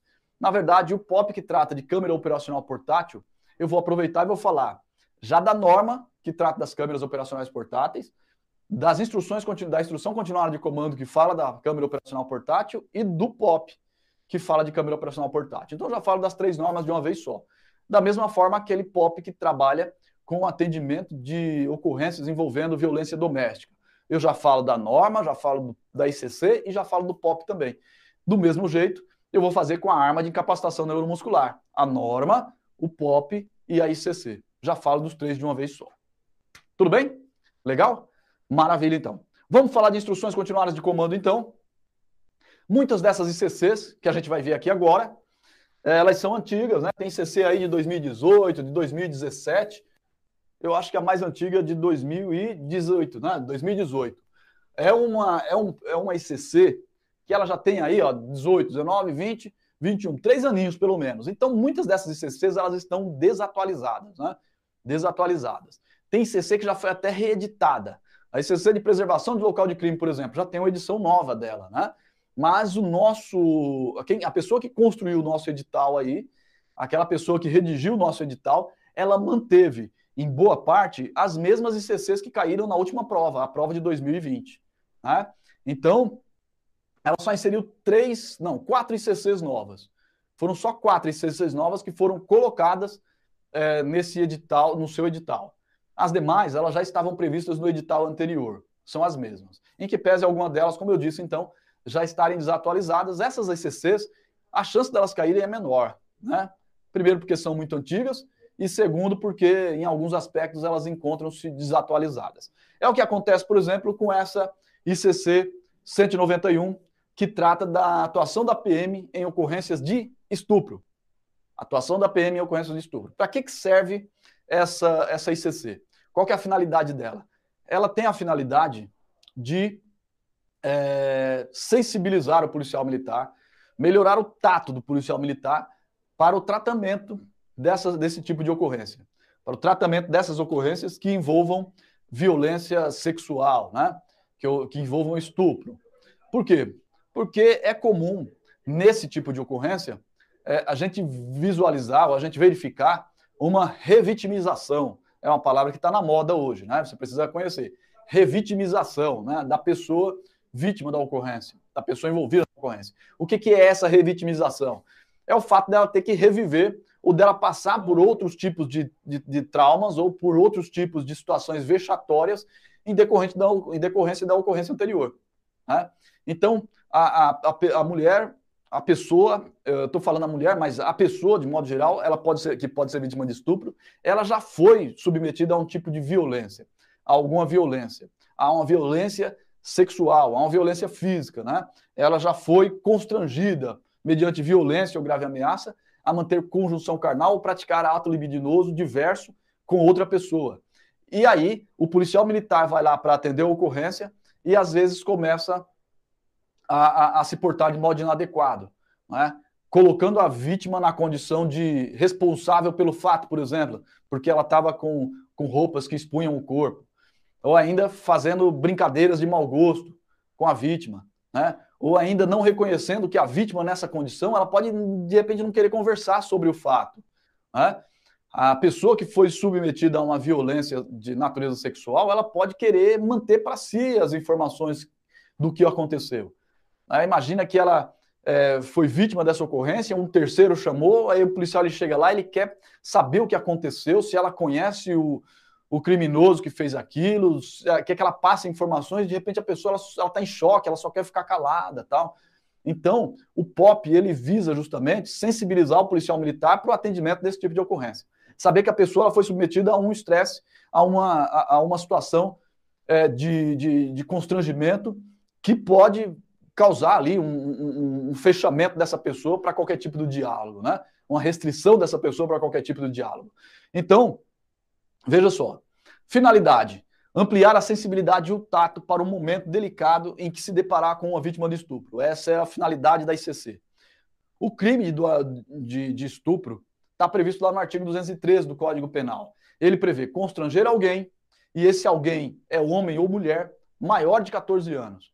Por que maior de 14 anos? Porque se for uma pessoa menor de 14 anos ou uma pessoa é, incapaz, eu vou ter aquele outro tipo de estupro que está lá previsto no artigo 217, né? o estupro de pessoa vulnerável. Então, esse estupro do 213 aqui é do maior de 14 anos. O estupro de vulnerável está previsto no Código Penal um pouquinho mais abaixo lá, no artigo 217, um pouquinho mais adiante, né? Então é constranger alguém, homem ou mulher, mediante violência ou grave ameaça, a ter conjunção carnal ou praticar ou permitir que com ele se pratique outro ato libidinoso diverso da conjunção carnal. Então, isso aí é parte de direito penal. Eu não vou ficar me aprofundando aqui na, no conceito né, de, de, de, estupro, porque vai ter alguém que vai conversar com você. O professor Vitor Paulo ele deve falar com você sobre a ocorrência de, sobre o crime de estupro. Aí ele vai apontar todas essas nuances. Eu só queria deixar é, claro aqui que o estupro não é só a conjunção carnal, é a conjunção carnal ou outro ato libidinoso, diverso da conjunção carnal. Então, esse artigo 213 hoje, ele congrega aquilo que nós tínhamos como crime de atentado violento ao pudor. Né? Então, é, é, a partir da alteração legislativa introduzida lá em 2009, se eu não me engano, os dois tipos penais eles passaram a compor um só. Né? Então, estupro e atentado violento ao pudor compõem hoje um tipo penal único, que é o de estupro, especificamente. E que qualquer pessoa, seja homem ou seja mulher, antes o estupro ele só podia ser praticado contra a mulher, hoje o estupro ele pode ser praticado contra homens e contra mulheres também. Tudo bem? Legal. Então, eu deixei grifado aí que homens ou mulheres podem ser autores ou vítimas de estupro. Então, o homem ou mulher pode estar tanto no polo ativo como no polo passivo desse tipo de crime. Pode ser sujeito ativo ou sujeito passivo do crime de estupro. Legal? Maravilha. E aqui eu coloquei alguns pontos importantes da nossa ICC que a gente precisa relembrar para fins de prova. Primeiro, que eu tenho que atender sem posicionamentos pessoais. Né? Eu vou atender a vítima, legal cheguei lá para atender a vítima. Não importa, eu não tenho que ficar é, é, colocando na ocorrência, como em qualquer outra ocorrência também é dessa forma, né? Que a gente deve atuar. Posicionamentos pessoais. Não é porque eu acho que a mulher ela não deve estar vestida de tal ou qual forma que eu devo manifestar esse tipo de observação, né? Não é porque eu acho que a, a moça ela não deve ir lá no baile funk que eu vou manifestar esse tipo de, de, de, é, de parecer pessoal meu, né? Ah, ela foi estuprada porque estava no baile funk, né? Então, esse tipo de observação eu não devo fazer. Então, atender sem posicionamentos pessoais. É, o, POP ele deixa claro mais de uma vez que as pessoas que exercem a prostituição, o comércio do próprio corpo, né? Essas pessoas elas também podem ser vítimas de estupro. Não é porque o homem ou porque a mulher se prostituem, né? Que eles é, deixam de ser sujeitos de direitos sobre o próprio corpo, deixam de ter direito a essa dignidade sexual. Então, mesmo essas pessoas, elas podem ser vítimas do crime de estupro. O POP fala isso mais de uma vez e aí o examinador ele pode querer utilizar isso aí como questão de prova. Tudo bem? Evitar constrangimento de qualquer tipo ou por qualquer pessoa. Então, tem que tentar evitar o máximo possível a exposição da vítima, né? Para que ela não seja, por exemplo, na hora que está entrando lá no distrito policial, um monte de repórteres, um monte de fotógrafos em cima querendo fotografar, querendo filmar, de repente é alguém que tem algum. É, que tem alguma, algum destaque na mídia, alguma coisa do gênero. Então, eu tenho que evitar o máximo possível a exposição da vítima, né? O constrangimento originário de qualquer pessoa, outros policiais, né? Então, às vezes o cara quer passar lá, outra viatura quer passar para ficar olhando a vítima. Ah, deixa eu ver quem foi a vítima de estupro, né? Então, esse tipo de coisa a gente deve evitar. É, entender a condição da vítima, é aquilo que eu tinha dito para você. A dificuldade de se comunicar, de não querer contar detalhes, né? de não querer registrar a ocorrência. Tem que entender que às vezes a vítima ela vai, ela não vai querer fazer o registro desse tipo de ocorrência. Né? Então, é, isso aí precisa, o policial precisa ter o tato de perceber isso e saber como conversar com a vítima. Tentar convencê-la de que é importante registrar, tentar convencê-la de que é importante ela passar por um exame pericial, tentar convencê-la de que é importante ela procurar auxílio médico, auxílio social, seja para evitar gravidez, para evitar doenças é, sexualmente transmissíveis. Essa, esse tipo de orientação tem que ser passado para a vítima com tato, né? com cautela, com cuidado, com educação. Né? Então, entender a condição da vítima e orientá-la quanto a esses aspectos aqui que eu disse. A importância de registrar a ocorrência, é, é, a importância da coleta da prova pericial, que tem que ser algo rápido, porque senão os, os indícios do crime, os vestígios do crime, eles se perdem. Né? A, o, fato de que ela vai, que ela pode ser conduzida para exame de corpo de delito, o fato de que ela tem que procurar atendimento médico, psicológico, atendimento social, e que isso é possível, que há uma rede estruturada para isso, para atender a mulher, e que isso aí é gratuito, seja lá pelo SUS, seja pelos órgãos de assistência social, tem essa possibilidade, então a vítima ela deve ser orientada sobre esses aspectos. É, o policial militar ele tem que preservar provas. Então, se tiver vestes da vítima que ela tirou, o policial ele tem que fazer é, a coleta desse, desse material. Imagina que a vítima ela foi estuprada no lugar, ela foi para casa dela, ela tirou as roupas, deixou lá num canto e aí um familiar chamou a viatura. Eu chego lá, tem local de crime para preservar? Não, mas eu tenho as vestes. Então as vestes elas podem ser preservadas. Se tiver ali luvas, pego com luvas, coloco lá dentro num saquinho plástico, vou apresentar isso aí no DP sem que eh, evitando que outras pessoas tenham contato para preservar para ter a custódia, né, para se estabelecer uma cadeia de custódia desse, dessa prova.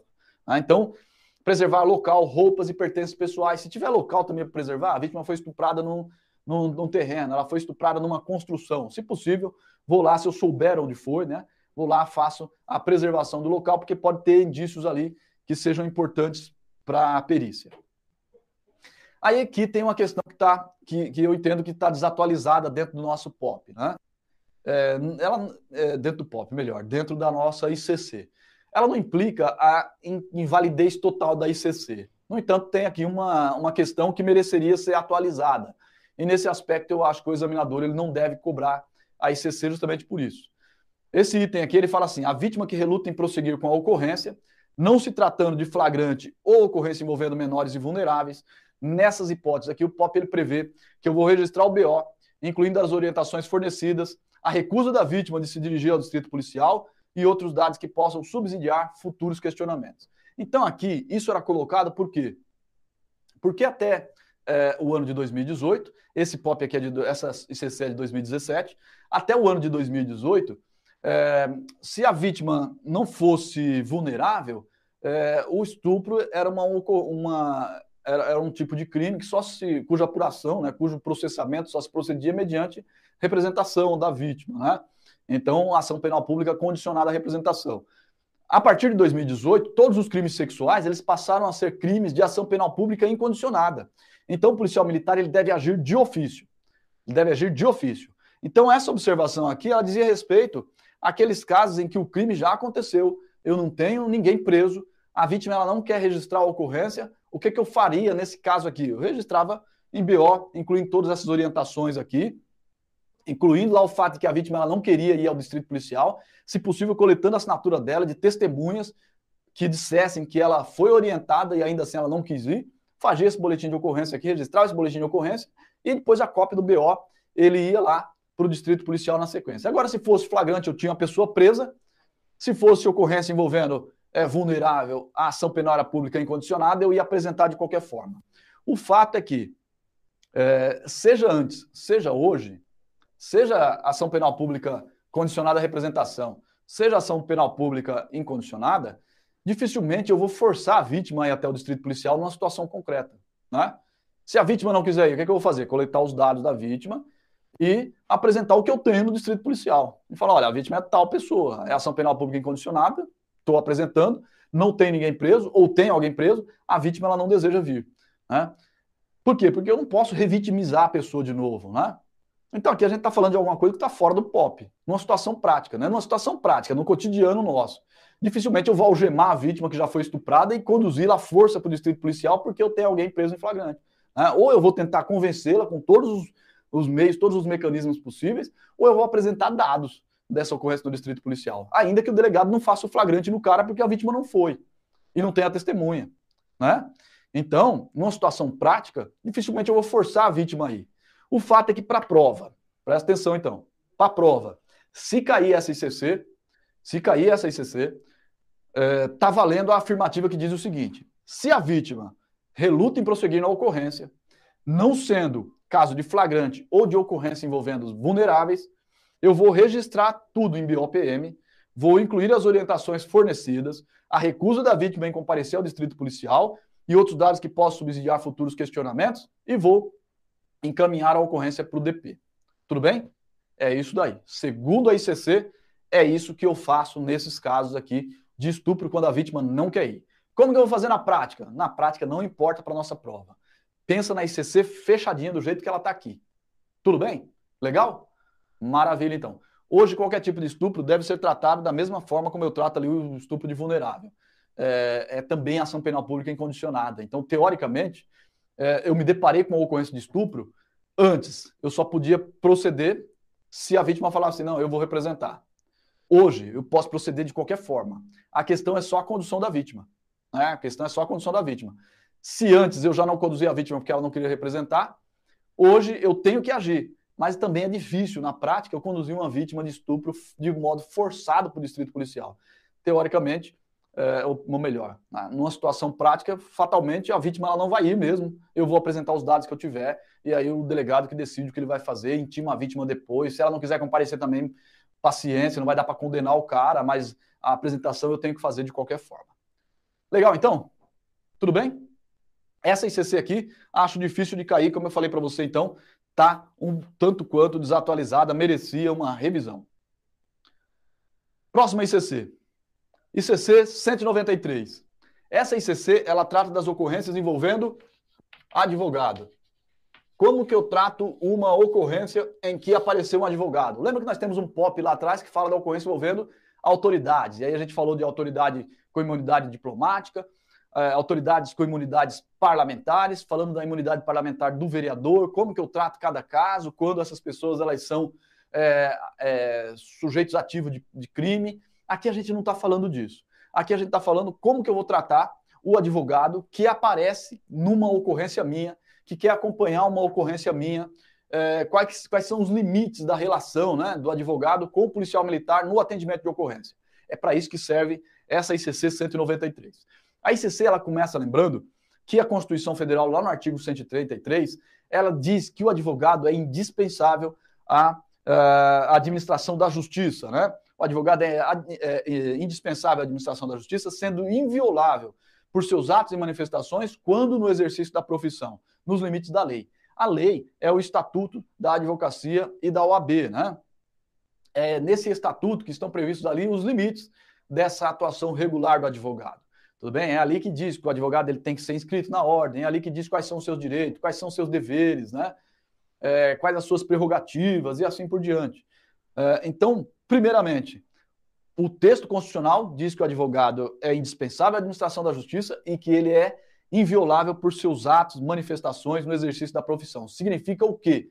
Significa que o advogado ele não pode ser é, responsabilizado, eventualmente, por uma injúria que ele, é, que ele prolate, uma injúria que ele pratique no exercício da profissão. Uma injúria ou uma calúnia ou uma difamação, né? um crime ali contra a honra. Né? Se ele fez isso durante o exercício da profissão, se ele fez isso no exercício da profissão, é, durante a sua manifestação, por exemplo, em juízo, durante sua manifestação lá no distrito policial, né? Se ele eventualmente, na defesa do seu cliente, ele necessita, por exemplo, apontar ao conduto irregular de alguém, apontar a prática de crime por alguém, e esse crime depois não se, não se mostra é, é, verídico, se ele tem que usar palavras eventualmente é, ofensivas para fazer a defesa do seu cliente, ele não pode ser responsabilizado por isso, se no exercício da função. É óbvio, se tiver qualquer tipo de excesso, se isso aí se der de forma excessiva, ele vai ser responsabilizado nos termos do Estatuto da Ordem dos Advogados. Ah, então não é que o cara ele vai poder falar e fazer o que quiser. Ele pode, dentro de um certo limite. Né? Então, eventualmente, ele vai ter que apontar conduta irregular, ele vai ter que falar que o policial agiu de tal e qual forma, é, talvez até imputar crime para o policial militar numa determinada circunstância e não vai ser, poder ser responsabilizado penalmente por isso, porque ele é inviolável por seus atos e manifestações no exercício da profissão. Tudo bem? No entanto, ele pode ser responsabilizado eticamente, lá pelo Estatuto da Ordem, podendo inclusive ter caçado ali a sua inscrição na, é, na Ordem dos Advogados do Brasil. Tudo bem? Vamos lá. Questõezinhas básicas aí importantes para a nossa prova. O estatuto ele prevê o direito do advogado de se comunicar com o seu cliente de forma pessoal e reservada. Então ele pode se entrevistar reservadamente com o cliente. Quando a gente falou da escolta, eu já falei isso aí, né? Que ele vai entrar lá, vai visitar o preso, falar com o preso de forma reservada, de forma é, que o policial militar não pode ouvir a conversa que ele tem com o seu cliente. Agora veja, o POP ele faz algumas observações. Ele pode se comunicar mesmo quando o cliente estiver preso. Preso em qualquer lugar. Preso no presídio, preso no estabelecimento de saúde, preso na viatura, preso na corregedoria, preso num estabelecimento penal militar, preso numa unidade da PM, em qualquer circunstância que ele esteja preso, o advogado tem o direito de se comunicar com ele, independente do tipo de local. Tudo bem? A procuração, nesse momento, ela pode ser uma procuração verbal. Eu não posso exigir do preso, ou melhor, eu não posso exigir do advogado que ele apresente uma procuração por escrito, até porque muitas vezes vai ser o primeiro contato dele com o preso. Então imagina, eu cheguei com o preso no DP, o advogado já estava esperando lá, sentadinho naquelas cadeirinhas lá na porta do distrito policial. Eu estou entrando com o preso, o advogado vem e fala assim: olha, eu sou advogado dele, eu gostaria de falar com o preso. É? Eu tenho que organizar ali o ambiente para que, o, que essa entrevista ela aconteça. Olha, eu quero falar com o meu cliente antes de contato com qualquer outra pessoa dentro do distrito policial. Eu tenho que arrumar um espaço. Eu tenho que ajustar ali com o pessoal do distrito policial para que o advogado ele possa conversar reservadamente com o preso. Né? antes que ele tenha contato com, a, com o delegado, com o escrivão, com a gente, assim por diante. Ah, então eu vou precisar fazer isso. E aí não dá para eu falar para advogado, não, eu quero que você mostre a procuração falando que você é advogado dele mesmo. Como? Se o cara está preso, chegando algemado do distrito naquela hora, como que o advogado vai ter procuração? Então é possível a procuração verbal. O que é a procuração verbal? É o advogado falar em qualquer momento, ou melhor, o cliente falar em qualquer momento que o cara é o advogado dele. Ele chega lá, o preso fala assim: não, senhor, é meu advogado mesmo. Isso é uma procuração verbal. Tudo bem? Ou ainda, na hora que o preso vai ser interrogado lá pelo escrivão, sentadinho lá na mesa, o advogado chega junto, aí é, é, o, o, delegado vai perguntar para o advogado, vai, vai perguntar para o preso: esse aí é o seu advogado? Se o preso falar, sim, senhor, esse aí é meu advogado, ele vai constar isso aí na ata, é, é a procuração, a pudiacta que a gente fala, né? A procuração em ata, vai constar isso aí lá no termo de interrogatório do preso, que o advogado foi constituído verbalmente e o advogado vai acompanhar. Então não tem exigência é, de procuração previamente escrita, ou uma, procuração escrita para que o, o advogado ele atue na defesa da pessoa presa. Tudo bem? Legal? Fechou isso aí? O examinador ele vai perguntar, hein? É obrigatória a procuração escrita? Não, a procuração ela pode ser verbal. Legal? É, como eu disse, então, o advogado ele tem direito de entrevistar-se reservadamente com preso em estabelecimentos civis ou militares. Essa entrevista ela tem que ser pessoal e reservada. É, esse reservado significa que o policial ele não pode estar na sala. Então, eu vou fazer a, a, a entrevista com o preso numa sala do DP. O policial ele vai lá, entra na sala, dá uma olhadinha no material que tem ali para ver se não tem nada que possa ser utilizado como arma para de repente abrir ali as algemas do preso, tal.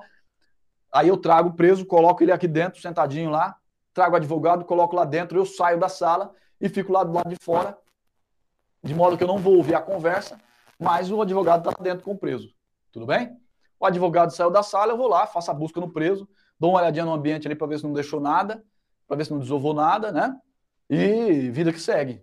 Tudo bem? Então a entrevista é reservada e sem o policial na sala. Esse aspecto do sem o policial na sala ele é importante, é questão de prova. Isso aí o examinador vai cobrar ele vai falar que a entrevista tem que ser reservada, mas que o policial ele permanecerá dentro da sala. Tá errado. O POP ele fala, é sem policial na sala. Beleza? Cuidado com isso. Por que, que isso daí é importante? Porque é diferente do caso em que o advogado ele vai conversar com o preso lá na viatura. Imagina que eu estou com o preso dentro da viatura ali, atrás do DP, no estacionamento do DP. É aquele momento que antecede o desembarque para apresentar a ocorrência lá. Estou ali com o preso dentro da viatura ainda, lá no guarda-preso, o advogado estava dentro do carro dele no estacionamento do DP esperando. Vai dizer que não já aconteceu com você. Já aconteceu, com todos nós já deve ter acontecido. Né? Você está lá apresentando a ocorrência, você nem desembarcou o preso, o advogado dele sai de lá de dentro do, do carro dele, que estava no estacionamento do DP, aí vem quer conversar com o preso ali no guarda-preso. Pode acontecer? Pode. De repente, estou lá no local da ocorrência ainda. Estou fazendo a busca no, na residência, onde foram localizados objetos ilícitos, o preso está lá dentro do guarda-preso da viatura, o advogado encosta ali atrás quer conversar com o preso lá na viatura. É possível? O POP ele diz que sim, que é possível. Nesse caso, ou eu tenho que. Quais são os limites? Os limites são aqueles próprios da segurança da ação. Né? Então, se o preso está dentro do guarda-preso, é, onde o advogado vai conversar com ele? Lá mesmo. Né? Essa entrevista, ela também vai ser reservada? Vai. Eu tenho que manter uma distância tal que eu não fico ali ouvindo que o preso está conversando com o advogado. No entanto, esse contato ele vai ser meramente verbal. O contrato é só verbal. O preso não pode entregar nada para o advogado, nenhum advogado entregar nada para ele. É, não dá para o preso falar assim, doutor, pega essa chave aqui, que é de um armário que eu tenho não sei onde, aí passa a chave lá para o advogado. Vai estar tá errado já que o preso não pode estar com a chave, né? Mas se ele quiser passar, não pode. Da mesma forma, se o advogado quiser deixar um cartão com ele, também não pode. Não pode nem o cartão telefônico lá do advogado. Não, doutor, não pode. O senhor pode conversar com ele, mas entregar objeto nenhum. E aí o advogado, ele não pode entregar. Tudo bem? O contato é unicamente um contato verbal. E aqui o policial ele mantém a supervisão. Então, se lá no DP, se lá na entrevista reservada, na salinha, o policial ele fica do lado de fora, é sem policial na sala, no caso da viatura, é com supervisão do PM. É o policial que vai falar assim: olha, eu vou ficar a dois metros, vou ficar a três metros, quatro metros, cinco metros, de acordo com a percepção dele. Essa supervisão aqui é tal que ele não fica ouvindo a conversa, interferindo.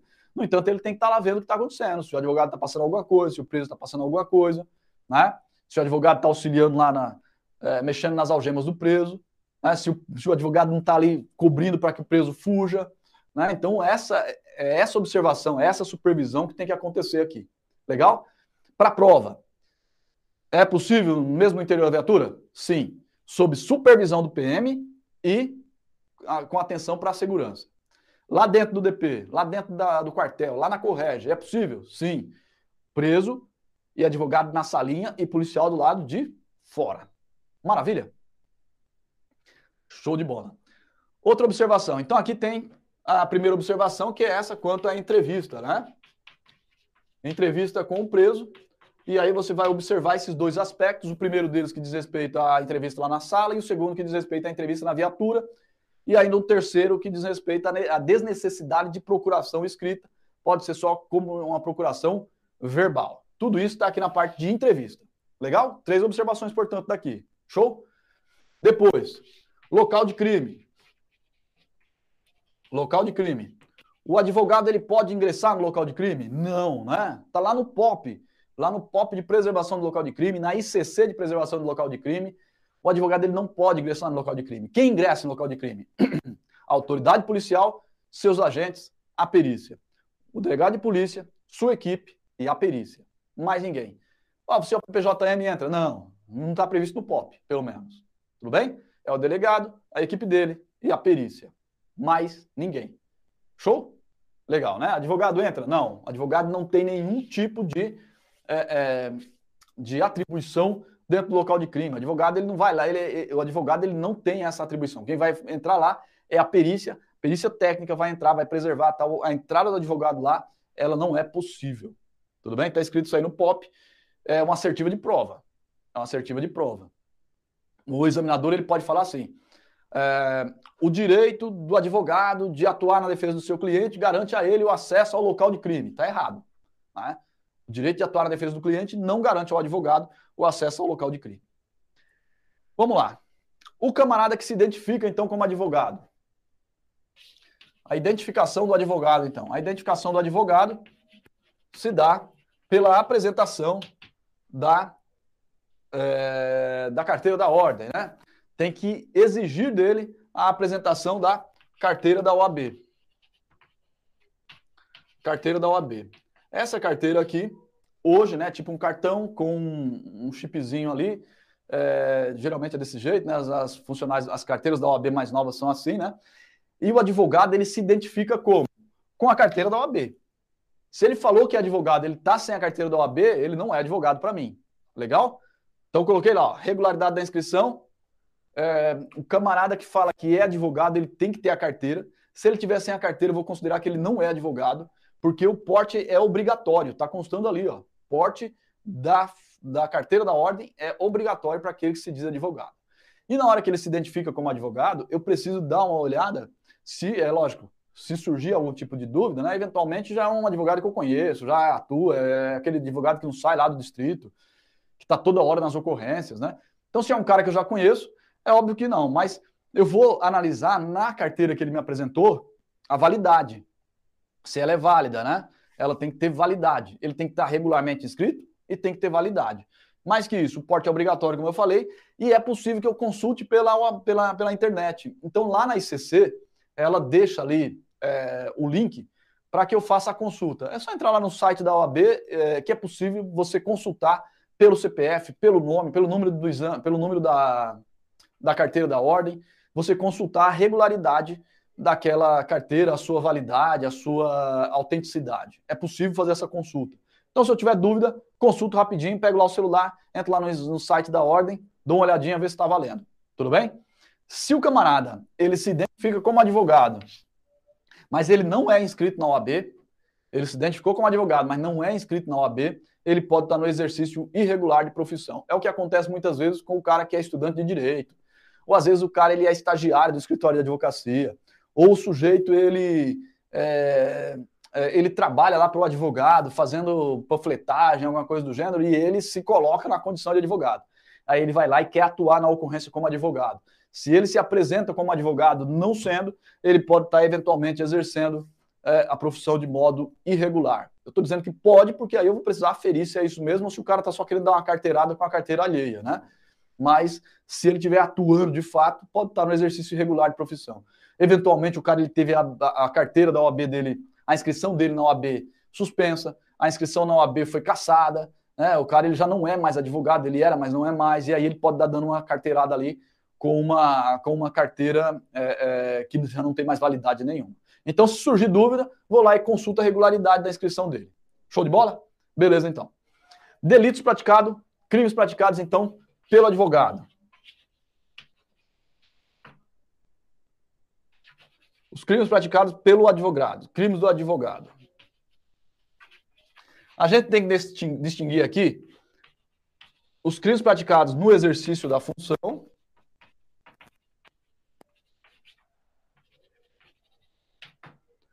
dos crimes praticados fora dela.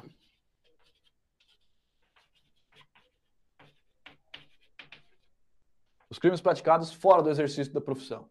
Os crimes que não tenham relação com o exercício da profissão. Isso aí por quê? Porque é, o estatuto ele prevê que os crimes praticados pelo advogado no exercício da profissão garantem a ele é, direito a um representante da OAB, né, quando ele for preso em flagrante se, o, o, se a razão, né, se a origem for o exercício da função em si. Então, por motivo ligado à advocacia. É, sob pena de nulidade, né?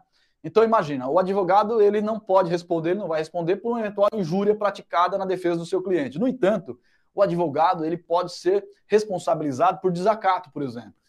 E o desacato pode se dar no exercício da profissão. Ele está lá atuando no exercício da profissão e aí ele passou do limite e acabou desacatando é, é, o policial militar, desacatando o delegado, desacatando o oficial de justiça que estava atuando, né? Então, nessas hipóteses aí, o advogado ele pode ser preso? Pode até ser preso em flagrante.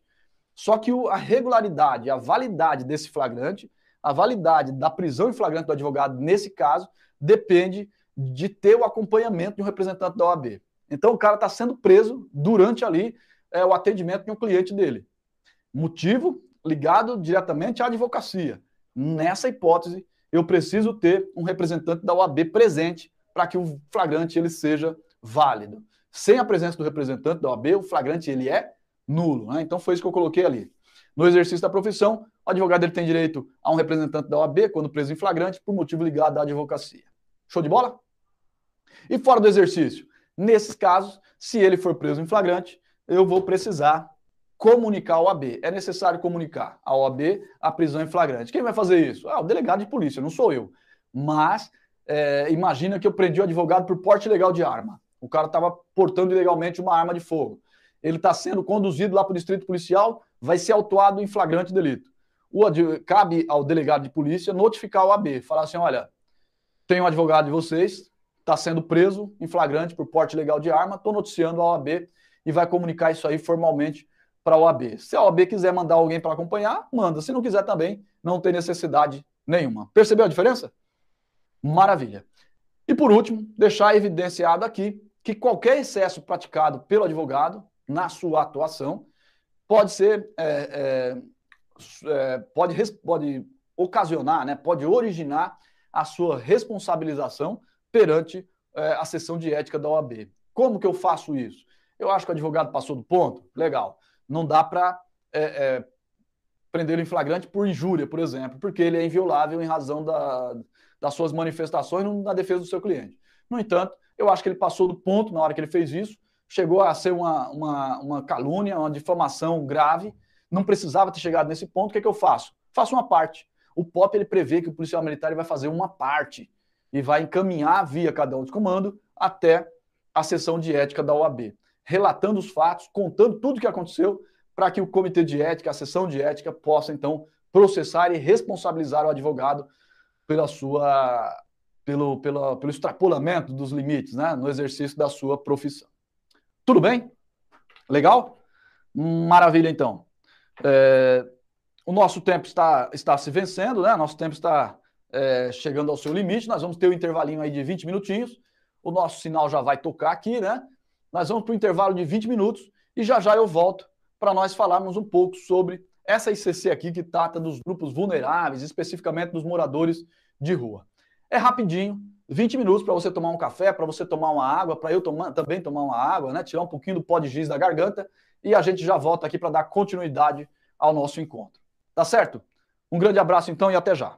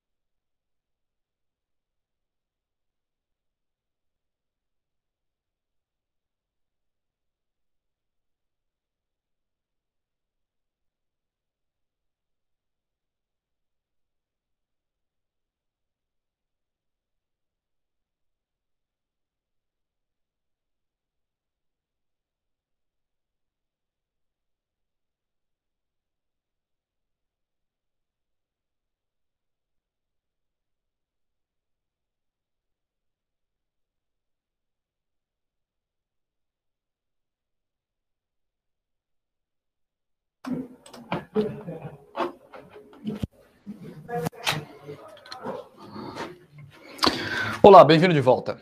Vamos lá, vamos dar continuidade então ao nosso encontro. Falamos sobre instruções continuadas de comando, né? A última que nós vimos, essa aqui que trata das ocorrências, né, envolvendo advogados. Nós vimos aí que o advogado tem o direito de entrevistar-se com o seu cliente de forma reservada, seja na, na unidade policial, seja na viatura policial, mas sempre tem que estar sendo identificado, ele sempre tem que estar identificado através da sua carteira da OAB, uma carteira com validade, regulamento inscrito, né? não pode estar suspenso, é, não, não pode ter sido caçada a sua licença, a sua, a sua inscrição na ordem, né? Falamos que o advogado ele é inviolável pelas suas manifestações, de modo que ele não pode ser responsabilizado eventualmente por injúria, por difamação, no entanto, ele pode praticar o crime de desacato. E no caso dele ser preso em flagrante em razão do exercício da função, esse flagrante, para que seja regular, depende do acompanhamento por um representante da OAB. E que, fora do exercício da função, se ele preso em flagrante por qualquer outra razão, a OAB precisa ser notificada e daí vai encaminhar um representante, se for o caso, se entender que é conveniente, se quiser, se não quiser também, não tem problema nenhum. A prisão ela pode ser feita da mesma forma. Tudo bem, então? Legal. A próxima ICC, essa aqui, a ICC 197, ela trata dos grupos vulneráveis e especificamente dos moradores de rua. Trata-se de uma instrução continuada de comando que dificilmente é, cai em prova, raramente cai em prova, por quê? Porque ela é uma, uma, uma ICC que tem, tem, tem um norte doutrinário e tal, mas não tem assim, ela não aponta muitos procedimentos, né? Geralmente, para que uma ICC ela caia numa prova, ela tem que trazer procedimentos, falar, olha, em tal caso você faz isso, em tal hipótese você faz aquilo, nesses casos você faz assim ou faz assado, né? Então a ICC que cai em prova é a ICC que fala isso. Por exemplo, essa uma que nós acabamos de ver, olha, no caso do advogado, você tem que fazer tal coisa. Se ele quiser falar com o cliente, é assim. Se ele quiser entrevistar com o cliente lá em tal lugar, é assado, né? A ICC anterior, né? Que nós vimos lá do estupro. Olha, você tem que tratar dessa forma, daquela forma. É, aqui não, né? Essa ICC, ela, ela, ela vai, vai discorrer acerca do que, serão, do que sejam os grupos vulneráveis. Ela vai falar que grupos vulneráveis reúnem aquelas pessoas que, em razão do gênero, que, em razão da idade, que, em razão da condição social, de ser uma pessoa que tem algum tipo de deficiência, de limitação física, ou ainda em razão da sua orientação sexual, são pessoas que têm maior propensão a ter os seus direitos violados. É como se o grupo vulnerável fosse aquele, aquele conjunto de pessoas que, por exemplo, por ser do sexo feminino né, e por trabalharem é, como motoristas de ônibus, né, nessa, nessa circunstância, tenha uma, uma, uma chance maior de ser vítima de algum tipo de violação dos seus direitos. O, a pessoa que é criança, a pessoa que é idosa, né, são grupos vulneráveis por quê? Porque em razão da baixa idade ou em razão da maioridade, em razão das limitações físicas que essa maioridade lhe ocasiona, podem ser maiores, é, maior, podem ser vitimadas, né, com maior frequência ou ter seus direitos violados com maior frequência. Isso são grupos vulneráveis. E os moradores de rua compõem um grupo vulnerável à parte, né? É um grupo vulnerável não em razão da idade, não em razão da orientação sexual, não em razão é, do gênero, mas em razão do fato de que não possuem um lar, não possuem uma casa, né? Essas pessoas elas vivem na rua, geralmente são originárias de, de lares que foram desfeitos, de famílias que foram desfeitas, são pessoas que não possuem família, que não têm família, que vivem na rua, que é, não têm um, um teto para se abrigar, né? e que, em razão dessa condição, é, de muitas vezes não ter uma fonte de subsistência, né? Elas se encontram em condições que fatalmente vão ser é, vão ter seus direitos violados com muito mais frequência. O, o, primeiro desses direitos que é violado no morador de rua é justamente o direito a uma, a uma, a uma habitação, né? a uma, um domicílio, a uma, a uma casa, né? a um abrigo. É o primeiro direito que é violado. Depois é o direito à alimentação, que essas pessoas muitas vezes não têm, né? a, a proteção à sua saúde, por exemplo, que muitas vezes não vão ter, né? É o, a necessidade de abrigo que não vai ser que não vai ser suprida. Então, o morador de rua é uma pessoa que está em condições de ter os seus direitos violados com muito mais frequência. É aquela pessoa que geralmente a gente nem enxerga, né? Ele está lá na rua, ele vem ali na janela do teu carro pedir alguma coisa, você está com o ar-condicionado ligado, o vidro levantado, você nem enxerga aquela pessoa que está do lado de fora. É, em situações extremas, é como se você nem reconhecesse mais como uma pessoa mesmo. Né? Em, em, casos mais extremos, elas, elas deixam de ser reconhecidas como pessoas. Né? Então, essa é, é, esse é o extremo da vulnerabilidade desse grupo de pessoas que moram na rua. São os moradores de rua. É, então, os grupos vulneráveis são conjuntos de pessoas que, por suas condições, estão mais suscetíveis de terem os seus direitos violados. Essa ICC, ela busca falar especificamente do morador de rua, né? E ali é, ela traz algumas, algumas informações sobre as características desse grupo de pessoas.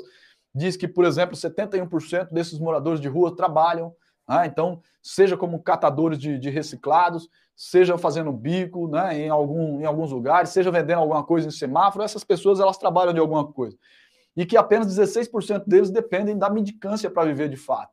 Né? Então é que seria uma parcela pequena daqueles moradores de rua que dependem da, da mendicância. E que as principais causas da mendicância, dessas, dessa condição, ou melhor, que a, a principal causa dessa condição é o envolvimento com álcool e com drogas, né? Seguido ali do desemprego e dos conflitos familiares, pessoa, dos conflitos familiares. A pessoa ela foge de casa por causa dos conflitos e acaba indo viver nas ruas. Então, ela, a ICC ela tem essa parte inicial que vai conceituar os grupos vulneráveis e que depois vai falar alguma coisa sobre os moradores de rua como grupo vulnerável em si. Né? Tem condições de cobrar isso aí na nossa prova da VUNESP? Dificilmente, né? Dificilmente tem uma assertiva que o examinador ele pode fazer é, com relação ao morador de rua que vai ser incorreta e que você não vai perceber. Se ele falar assim, olha, é, ele pode eventualmente falar assim, segundo estudos realizados, né, é, pesquisas feitas pelo Ministério do Desenvolvimento Social em 2008, a maioria dos moradores de rua são desempregados. Está errado, né? Não é. 71% dos moradores eles trabalham. Né? Ah, é, é sei lá, 50% dos moradores de rua dependem da mendicância. A integralidade dos moradores de rua depende da mendicância para viver. São afirmativas que vão estar incorretas. Mas veja que ele precisaria é, descer a uma minúcia que aqui está sendo tratada em termos de porcentagem. Né? Então, dificilmente o examinador ele vai é, trabalhar com isso daqui. Ele pode falar assim: olha, é verdadeiro que é, o alcoolismo e as drogas são as principais razões que levam a pessoa a estar numa condição de rua. Aí sim vai estar correto. Então, é uma, é uma ICC que ela é complicadinha de se montar a questão de prova.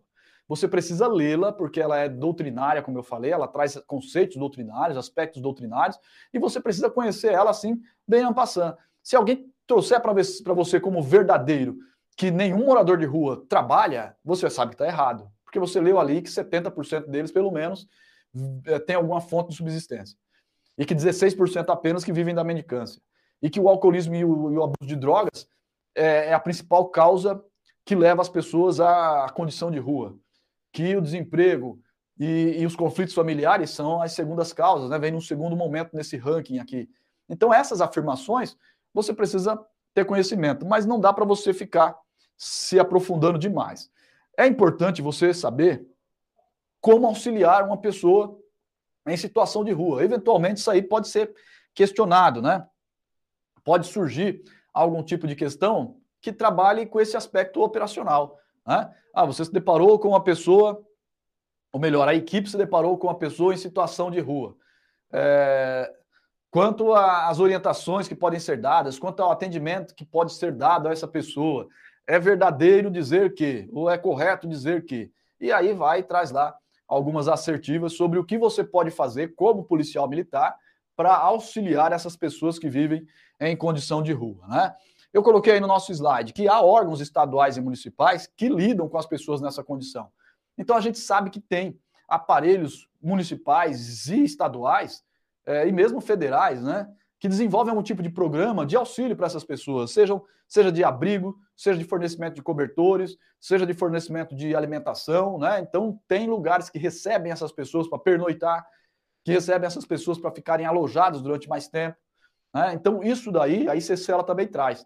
Se você der uma olhadinha lá, eu destaquei ali na partezinha, na parte final dela, tá em negrito, inclusive, que na capital paulista, é, Não, melhor. O apoio governamental a estas pessoas tende a se dividir em esferas estadual e municipal, por naturalmente os problemas na, serem maiores nas grandes cidades, com consequente diferenciação da estrutura de atendimento. E aí ele fala: na capital, a Coordenadoria de Proteção Social Especial possui uma rede de atendimento socioassistencial voltada à população adulta em situação de rua, atuando no âmbito da criação de políticas públicas de, em consonância com o Sistema Único de Assistência Social. Então, aqui ele está falando, na capital tem um órgão, que é essa Coordenadoria de Proteção Social Especial. E que no âmbito estadual, lá mais embaixo, tá lá, existe o Centro de Referência Especializado para Pessoas em Situação de Rua, Centro POP, voltado para o atendimento especializado à população em situação de rua. Trabalha com atendimentos individuais e coletivos, oficinas e atividades de convívio, socialização, além de ações que incentivam o protagonismo e a participação social das pessoas em situação de rua. Aí depois ele fala na, de, é, na sequência, né, que o serviço pode ser acessado de forma espontânea pela pessoa em situação de rua e a qualquer momento por, ou por encaminhamento de serviço especializado de abordagem social ou outros serviços de assistência social ou de outras políticas públicas e por órgãos do sistema judiciário. Procure informar-se de quais serviços assistenciais o poder público da sua região de atuação disponibiliza para o acionamento ou orientação da população sobre esse tipo de atendimento.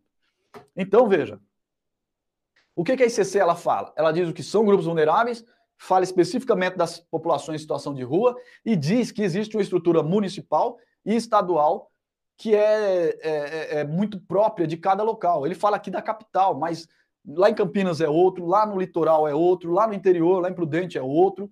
Né? Então, o policial militar, cabe ao policial militar conhecer essa estrutura e saber da orientação. Se de repente encontrar alguém na situação de rua e verificar a necessidade de encaminhamento, porque é lógico que a gente não vai sair, não é a atuação primordial da PM sair catando todo mundo que está ali em situação de rua e encaminhando para os abrigos. Não é essa a finalidade. Mas, de repente, numa ocorrência, eu preciso dar um destino para uma pessoa em situação de rua, e aí eu tenho que conhecer os órgãos, ou as, as entidades, ou é, é, aquelas, aquelas pessoas é, jurídicas, né?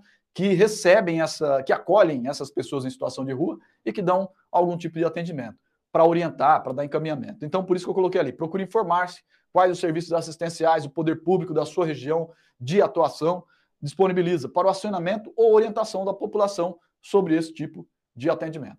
Como eu falei para você, você vai ler a CCC, dá uma olhadinha nas questões que estão é, depois dela. A primeira questão, ela fala é, o que se entende por grupos vulneráveis, nós já falamos.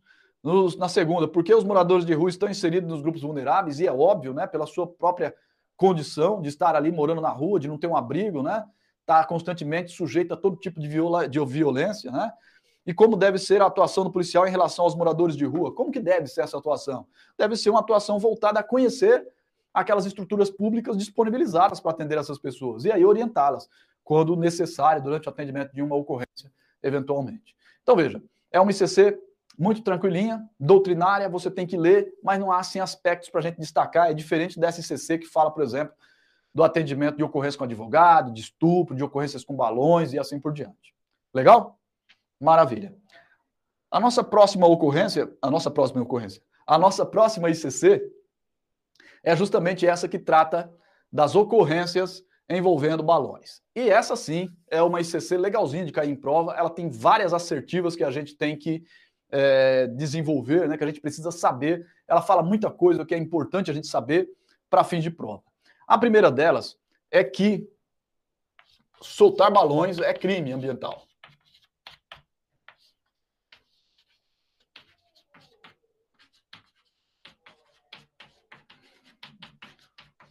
Soltar balões constitui crime ambiental que está previsto aí nesse artigo 42 da lei. É, artigo 42 da Lei dos Crimes Ambientais, ali, a Lei 9.605. E veja só, não é crime somente soltar balões. Eu coloquei lá, ó, é, é crime também fabricar, vender, né? Transportar. que mais? E soltar. Então, a primeira informação: soltar balões é crime ambiental. Mas não só soltar balões, também fabricar, vender e transportar. E perceba, transportar mesmo que em pedaços. Né? A, a, lei ela diz isso. Transportar ainda que em pedaços, ainda que é, é, é em, em, fragmentado, né? em fragmentos.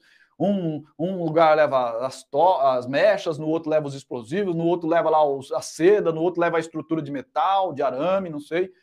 Então, mesmo o transporte de partes de balão constitui crime ambiental também. Né? Então, é um, é um crime ambiental, olha lá, de fabricar, né? a construção dele, a venda, né? a comercialização, o transporte e a soltura são crimes ambientais por si só. Aqui a gente está falando é, dos balões de modo geral. Né? Então eu soltei o balão. Se ele, se esse balão eu estava transportando, eu estava comercializando, eu estava construindo, né? O simples fato de fazer isso já constitui o crime ambiental do artigo 42. Se eu soltar esse balão e ele eventualmente cair, pegar fogo numa residência, pegar fogo numa mata, aí eu tenho um outro crime, que é aquele do, é, decorrente do próprio incêndio, né, do próprio fogo. Aí eu tenho mais um. Eu tenho a soltura e tenho o resultado danoso lá. A soltura de balões, ela envolve uma cadeia de crimes, né? Ela envolve uma cadeia de crimes. Eu, trans, eu fabrico, transporto, solto. Eu fabrico, vendo, a pessoa transporta e solta balão. Eu já tenho uma cadeia de crimes ali praticados. Uma de quem fabricou, outra de quem vendeu, outra de quem soltou, outra de quem transportou. Aí eu solto. Esse balão, eventualmente, ele cai.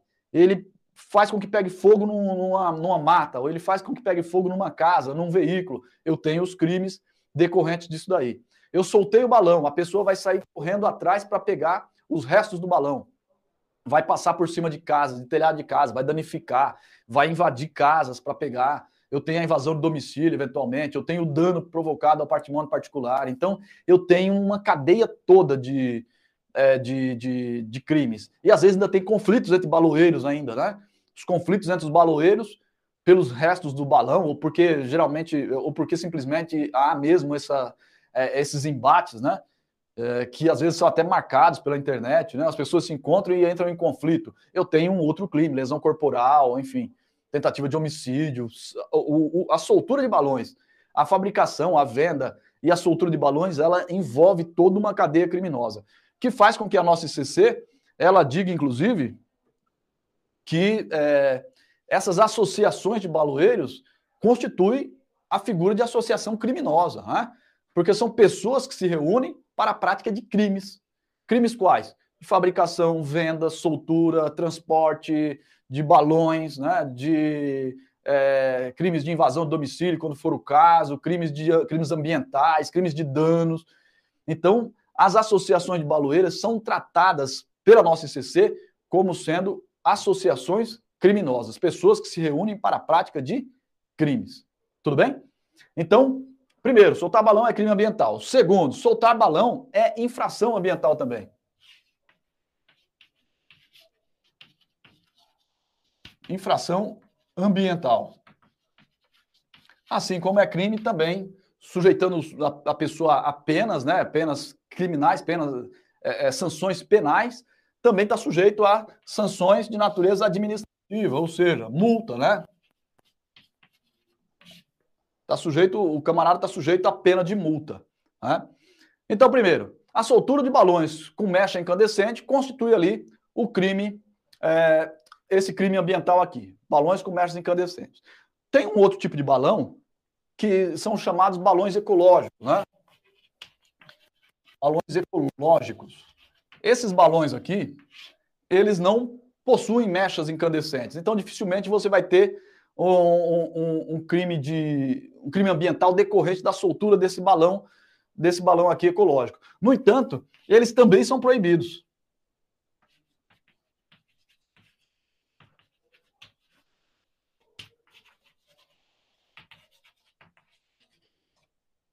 Eles também são proibidos.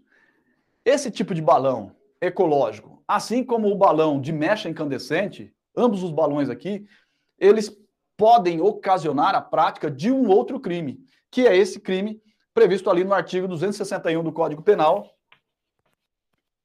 o artigo 261 do Código Penal, que é o crime de exposição a perigo da navegação aérea, né? Pode expor a perigo a navegação aérea. Quando? Quando eu solto esse balão em uma área ou nas proximidades de uma área, né, onde trafegam ali aeronaves. Imagina que eu solto balão lá na Casa Verde, onde um local onde toda hora tem aviões chegando e saindo ali do campo de Marte, né? Os helicópteros estão toda hora decolando dali. Eu vou e solto esse balão lá na cabeceira da ponte de Congonhas, né? na, na, na cabeceira da pista de Congonhas, né? no meio de São Paulo, ou lá perto do aeroporto de, de, de Guarulhos, né? lá em Viracopos. Então, nessas regiões aí, a soltura desse tipo de balão ecológico aqui, que também é proibido, pode ocasionar esse crime do artigo 261. Eu digo pode por quê? Porque esse artigo 261 ele exige que efetivamente haja a exposição a risco da navegação aérea. Se eu soltei e ninguém reclamou, eu não tenho o crime dos 261. No entanto, a soltura desse balão também é proibida, a fabricação, a venda a, e assim por diante. Né? Mas para que tenha o crime do artigo 261, seja o balão ecológico, seja o balão de mecha incandescente, eu preciso que alguém se manifeste. Então é como se a torre lá de, de da Casa Verde, a, a segurança aérea da Casa Verde, de alguma forma comunicasse a PM e falasse: olha, o camarada soltou um balão em tal lugar, esse balão subiu, é, ele entrou na rota dos helicópteros ali, dos aviões, quase causa um acidente. Nós registramos ali vários pilotos dizendo que tinham que desviar é, evitar o pouso porque tinha um balão atrapalhando ali o, é, a circulação das aeronaves, né? Então, se alguém denunciar, se alguém reclamar, houver essa constatação, eu posso responsabilizar o sujeito que soltou pelo crime do artigo 261 ali do Código Penal. Então, por isso que a gente diz, pode ser crime do artigo 261, a depender das circunstâncias especificamente. Isso aí está muito claro lá na nossa ICC. Tudo bem? Então, veja, além da responsabilização por crime ambiental, eu tenho a possibilidade de responsabilização pelo artigo 261. Você precisa saber que o balão ecológico também é proibido. Está escrito isso lá na nossa ICC. Legal? Você pode até falar assim, ah, mas não é não, chefe, tudo bem. Para a nossa ICC, é sim. Quer ver? Vamos lá dar uma olhadinha. Está lá no. Eu tenho um, dois, três, quatro, no quinto parágrafo. É, existem artefatos que não possuem mecha incandescente, os chamados balões ecológicos, sem tocha, que também são proibidos, portanto, passíveis das condutas típicas do crime, quando expõe a perigo a navegação aérea, previsto no artigo 261 e seus parágrafos do Código Penal Brasileiro. E a soltura de balões propelidos ou não por mecha incandescente que possam expor a perigo aeronaves, ou mesmo a tentativa de soltar com o objetivo de impedir ou dificultar a navegação aérea, constitui esse crime aí. Então, você compreendeu então essa questão? Balões de mecha incandescente, crime ambiental, infração ambiental. Balões ecológicos também são proibidos. Ambos, o balão de mecha e o balão ecológico, podem gerar esse crime aqui do artigo 261, quando de alguma forma expuserem a risco a navegação aérea. Tudo bem? Maravilha? Como a conduta também constitui infração ambiental, o que, que eu tenho que fazer? Eu, patrulheiro, nós estamos adstritos a um princípio né, que está lá descrito na nossa NORSOP, Normas para o Sistema Operacional de Policiamento, que fala que é, que é o princípio da universalidade. Segundo esse princípio, todo policial militar deve atuar em todo tipo de ocorrência. Então não é porque eu sou do 90 que eu vou verificar uma infração ambiental ou um crime ambiental, eu não vou tomar providência porque isso aí é matéria da Polícia Ambiental ou ainda que eu veja uma infração de trânsito, eu não vou tomar providência porque é, é própria do trânsito fazer isso, né? Uma atribuição própria do trânsito. Não. Pelo princípio da especialidade, eu, patrulheiro, tenho que atuar em todo tipo de ocorrência com a qual eu me deparar. De modo que, se eu me deparo com um crime ambiental de soltura de balões, eu devo tomar as providências no âmbito penal. Eu tenho que tomar as providências no âmbito penal. Eu vou solicitar o concurso da Polícia Ambiental das patrulhas de, de, de, do policiamento ambiental, para quê? Para que seja lavrada a autuação, a autuação ambiental respectiva, pela infração administrativa. Então, a minha conduta é essa: tomar providências no âmbito penal, sabendo que é crime a simples fabricação, venda, transporte ou soltura, é, ou ainda o do artigo 261 ali, quando impedir ou dificultar ou, ou expor a perigo a navegação aérea. Né? Então, eu tenho que atuar no âmbito penal nesse sentido. E no âmbito administrativo, solicitar o concurso da Polícia Ambiental para que eles façam a atuação, de, de, a atuação ambiental. E se não é possível, se não, não vai viatura tal, eu faço todo o registro da ocorrência, depois eu encaminho cópia de toda a documentação lá para a Polícia Ambiental, porque eles podem fazer a autuação a posteriori, não é igual o trânsito ali que eu não posso passar para outra pessoa a constatação que eu fiz, eu não posso constatar uma infração de trânsito, passar para outra pessoa fazer a multa. Isso não é possível no trânsito. Mas aqui na infração ambiental, sim. A partir do momento que eu tenho uma ocorrência registrando uma infração ambiental de soltura de balões, por exemplo, eu posso encaminhar a documentação lá para a Polícia Ambiental para que eles façam a multa cabível. Tudo bem? Legal? Fechamos aí essa questão? Vamos dar uma olhadinha na nossa ICC aqui, ver se tem mais alguma coisa que a gente possa utilizar.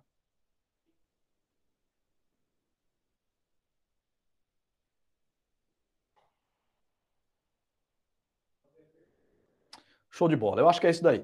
Coloquei ali no, no rodapé da nossa apresentação, no nosso slide, que as associações de baloeiros não são entidades folclóricas ou culturais e podem constituir associação criminosa. Eu já tinha dito isso, mas é importante a gente frisar porque eu acho que pode de repente ser uma assertiva de prova, né? O examinador ele vem aqui, ele tem que de alguma forma é, fazer questões, ele vai dizer que é, a soltura de balões é, ecológicos não constitui ou em hipótese nenhuma constituirá crime e a gente sabe que pode sim ser crime. Ele vai falar que a soltura de balões ecológicos é permitida e está errado, não é permitido, né?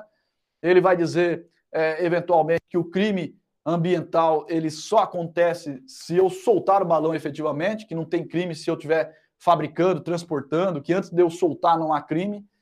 É, e ele pode dizer, eventualmente, que a associação de baloeiro, as associações de baloeiras reconhecidas pelo poder público, regulamentadas, são entidades folclóricas, né? e como tal, elas têm autorização do poder público para soltar balões. Não existe isso, tá?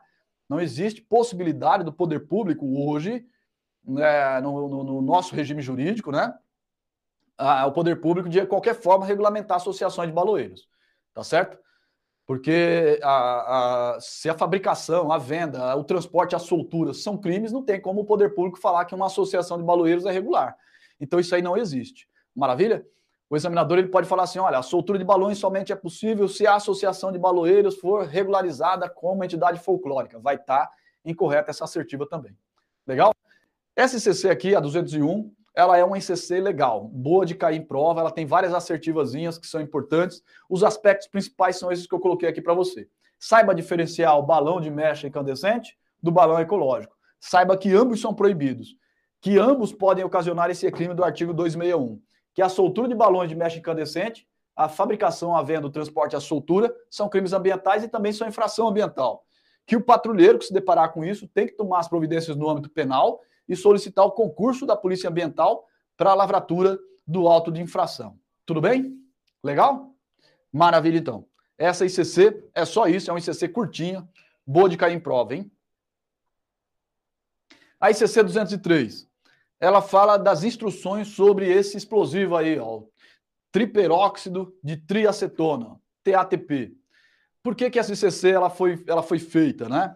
Ela foi feita porque é, esse explosivo aqui, ele estava sendo utilizado com, com muita frequência no furto de caixas eletrônicos, quando, da, quando, a, quando a, a ICC ela foi, ela foi redigida, né? Então nós passamos por uma fase em que várias ocorrências esse tipo de explosivo ele era apreendido o GAT ia para a ocorrência, ele identificava esse tipo de explosivo. Qual que é a característica principal desse explosivo? Ele é um explosivo improvisado. Ele é um explosivo caseiro. Ele é um explosivo que pode ser manufaturado por qualquer pessoa. Tem na internet. Se você pesquisar no YouTube, você vai encontrar vídeos que ensinam como fabricar esse explosivo aqui, né? O triperóxido de triacetona. Então é a primeira informação que você tem que gravar para sua prova triperóxido de triacetona, TATP. É explosivo industrializado? Não. É explosivo improvisado. Coloquei ali. Ele é um explosivo de fácil aquisição dos insumos. Né? Ele pode ser. É, é, os insumos dele são facilmente encontrados em qualquer lugar. Quais são esses insumos? Acetona, peróxido de hidrogênio e os ácidos. Peróxido de hidrogênio é água oxigenada. Tudo bem? Então é acetona, água oxigenada e alguns ácidos triperóxido de triacetona, um explosivo fabricado com isso daí. Tá certo?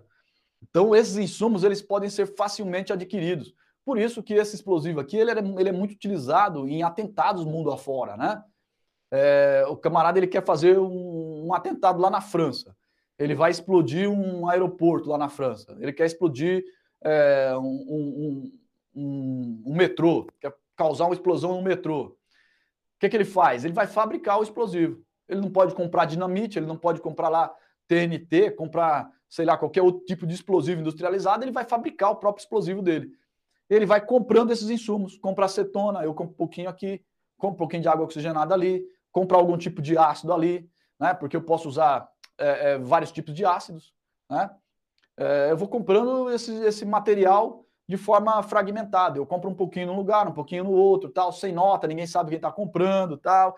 E aí eu vou reunindo esse material até que eu consigo fabricar uma grande quantidade de explosivos. Tá certo? Então, por isso que ele é um explosivo tão utilizado mundo afora. Ele era muito utilizado nos atentados ali, feitos pelo Estado Islâmico em vários pontos do mundo, e ele, ele foi trazido para o Brasil para ser empregado nos furtos de caixa eletrônico. Né? Então, o emprego dele nesses furtos é que fez, uh, que trouxe a necessidade de se fazer uma ICC a respeito dele.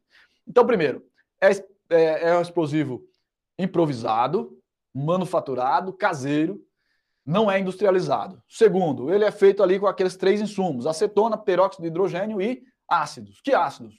Vários tipos de ácido. Cada ácido que eu utilizar, o, o explosivo ele vai ter uma característica é, muito própria, mas no final das contas ele é explosivo do mesmo jeito. Tem baixo custo e de fabricação fácil. De fabricação fácil. Tá certo? Fabricação fácil em termos, né? É, não vai achando que é tranquilo de fazer explosivo em casa, porque vai dar novidade, né? Se tentar fazer ali, é problemático, por quê? Porque ele é muito sensível, né? Uma vez que eu consegui fazer, ele é um explosivo muito sensível. Sensível a quê? Choque, atrito, calor. Então não posso deixar cair, não posso deixar num lugar muito quente, eu não posso deixar ele atritar, ou seja, riscar né, em, um, em um outro tipo de, de, de, produto. Se tocar, se atear fogo, então muito pior, né? Ele não pode ser manipulado em hipótese nenhuma. Essa é a regra básica. Eu cheguei no lugar, eu identifiquei que ali eu tenho um, uma substância que pode ser TATP, esse explosivo aqui. Qual que é a providência do patrulheiro nesse caso? É não manipular de modo nenhum. Eu vou isolar o local, manter as pessoas o mais afastado possível daquele ponto e vou acionar o gato para que o gato venha e faça o desarmamento do explosivo ou faça ali a detonação segura desse explosivo. Tudo bem? Essa é a, a providência. E como que eu identifico esse negócio então?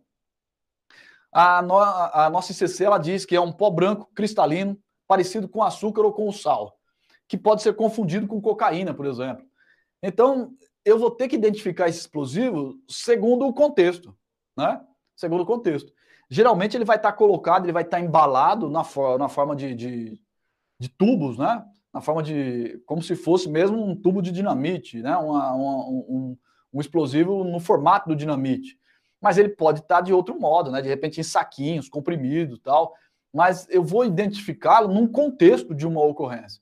Então teve uma denúncia de que tem um explosivo. Aí eu chego lá, eu encontro, né, em um determinado ponto, é, um saquinho escondido lá com um pó branco parecendo com açúcar, parecido com açúcar, com sal, porque dependendo do ácido ele pode ficar mais granulado, menos granulado, mais branco, mais escuro, né? Então eu encontro lá esse saquinho. Ninguém sabe o que, que é. Pode ser um explosivo.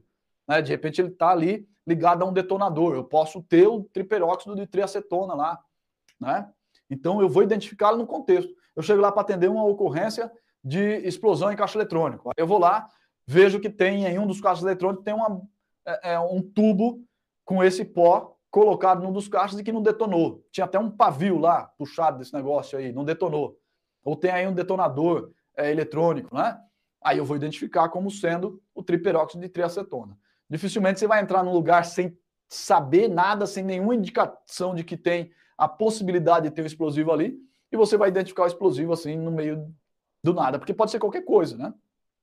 Um saquinho que está lá dentro de um armário pode ser um explosivo e eu achar que é farinha de trigo, eu achar que é, é, é açúcar, algum tipo de açúcar mascavo, alguma coisa do gênero, né? É, sal do Himalaia, vai pensar, pode ser um monte de coisas, né? Então a identificação do explosivo ela se dá num contexto de uma ocorrência. O fato é que uma vez que eu identifiquei que pode ser explosivo no contexto da ocorrência, o que, é que eu vou fazer? Não manipular de modo nenhum, né? Não vou me aproximar, não vou tirar do lugar, não vou jogar nada em cima dele, porque se eu jogar em cima o atrito pode ocasionar detonação. Se eu tirar, eu posso detonar.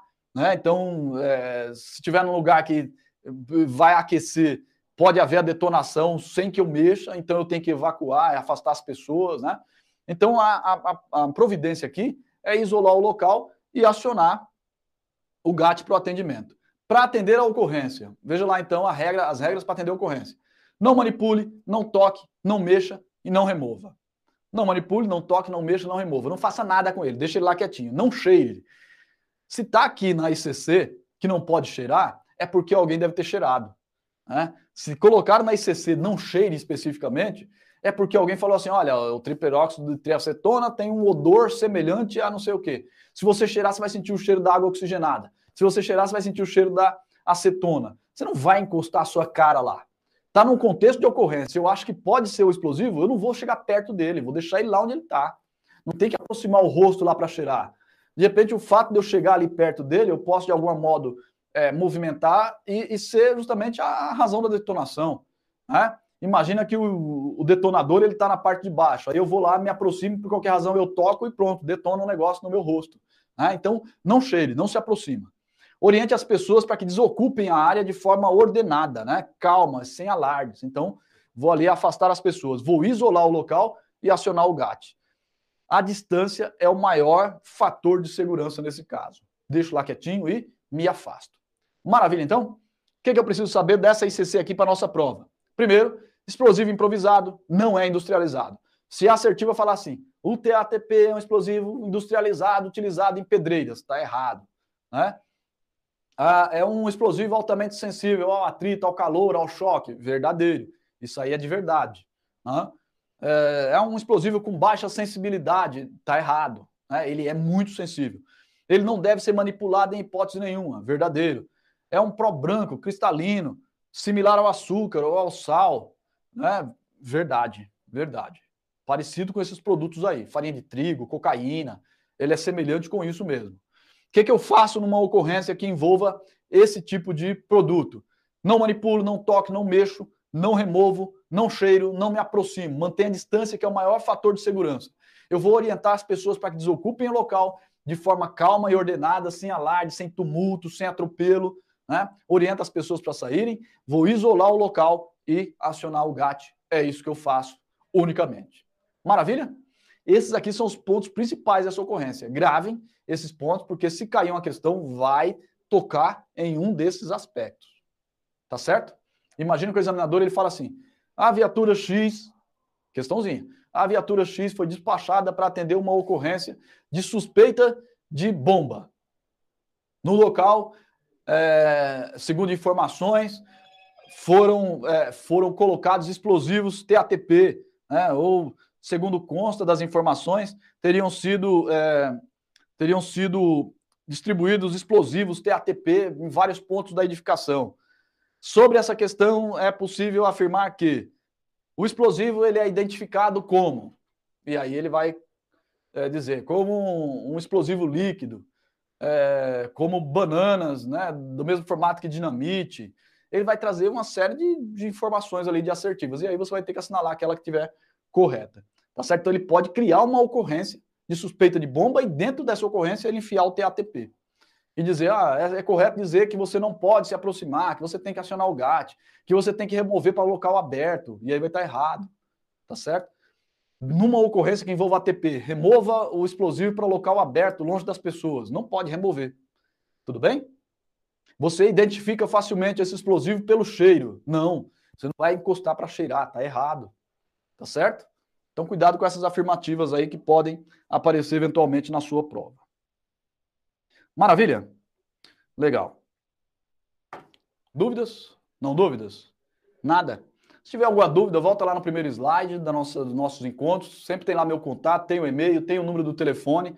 Pode mandar mensagem, pode mandar é, um e-mail, eu vou responder para você com bastante tranquilidade. Se quiser mais alguma informação, achar que não ficou bem explicado, fala que eu volto aqui no próximo encontro e complemento a informação, tá certo? Sobrou alguma dúvida, pode perguntar, a gente responde em qualquer momento. Chego aqui no comecinho da aula, tenho dúvidas lá? Chego aqui no nosso começo, no começo do nosso encontro, antes de entrar no assunto do dia, vou lá e resolvo aquela pendência, aquela questão que ficou é, mal explicada anteriormente. Legal? Show de bola. Atuação da PM nas audiências de custódia. Atuação da PM nas audiências de custódia. O que, que é a audiência de custódia? A audiência de custódia é aquele momento de entrevista do, da pessoa presa em flagrante pelo juiz. É o momento em que o juiz vai entrevistar a pessoa presa em flagrante sobre o contexto da sua prisão. Essa audiência de custódia, ela já estava prevista lá no Pacto de São José da Costa Rica desde 1969. Tem um dispositivo do pacto que fala que toda pessoa presa deverá ser apresentada imediatamente à autoridade judiciária que vai deliberar sobre a manutenção da sua prisão.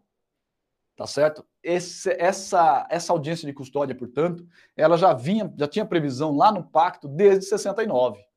Desde quando o Brasil se tornou parte né, desse pacto, desde quando ele concordou com o pacto, é, que não foi em 69, foram nos anos posteriores, 92, se eu não me engano.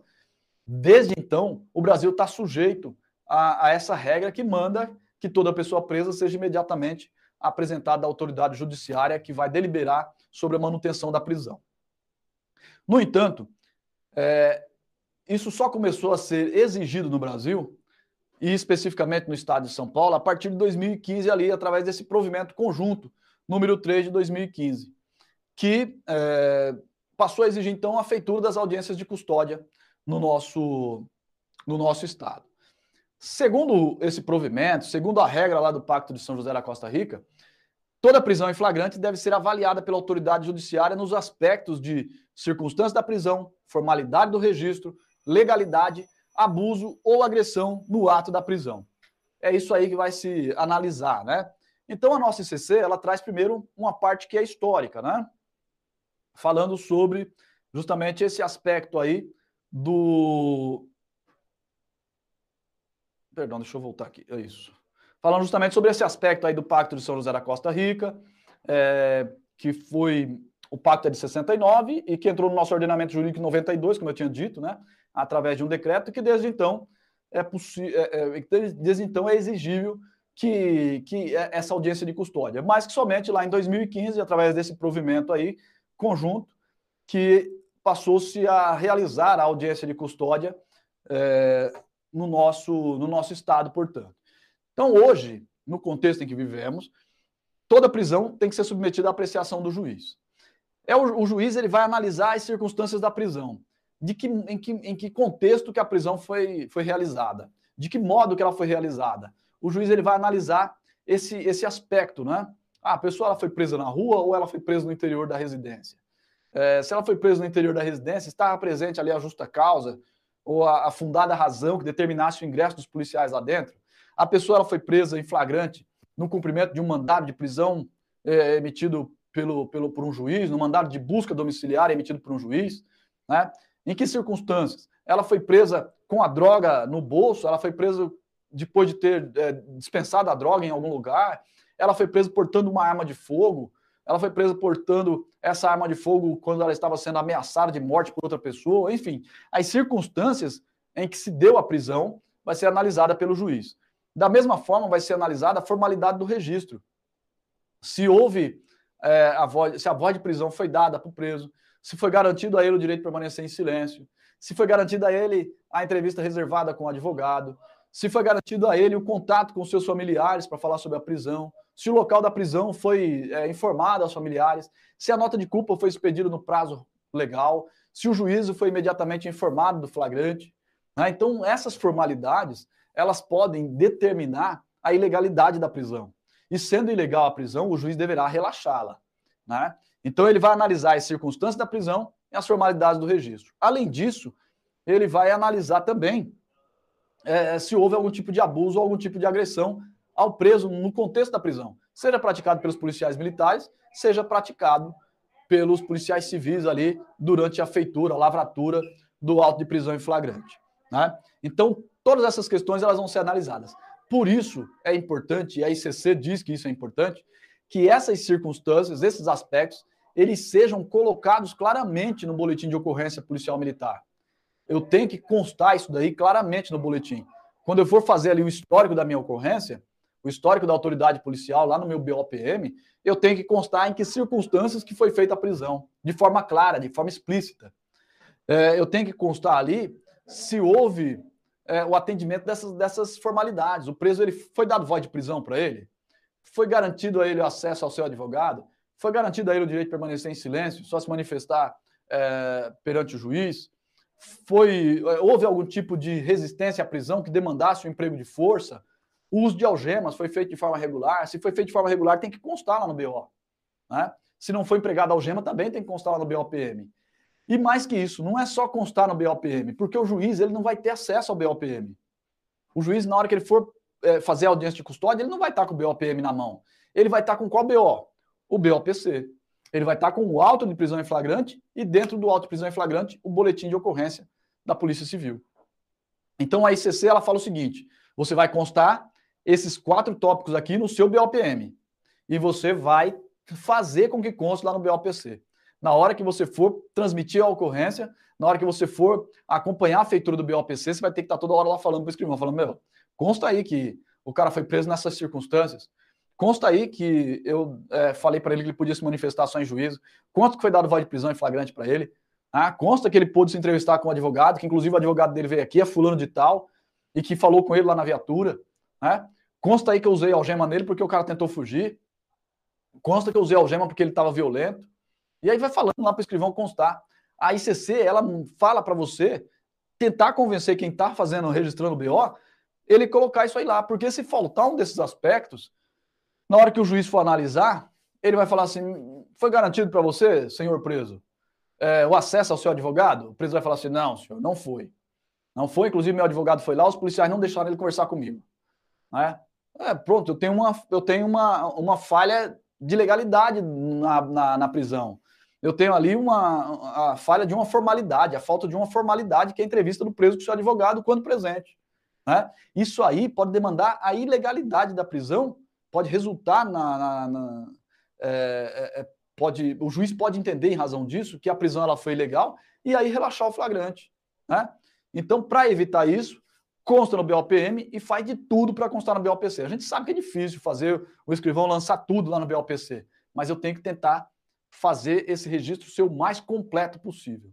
Tudo bem? É isso que a ICC ela fala. Quer ver? Vamos dar uma olhadinha?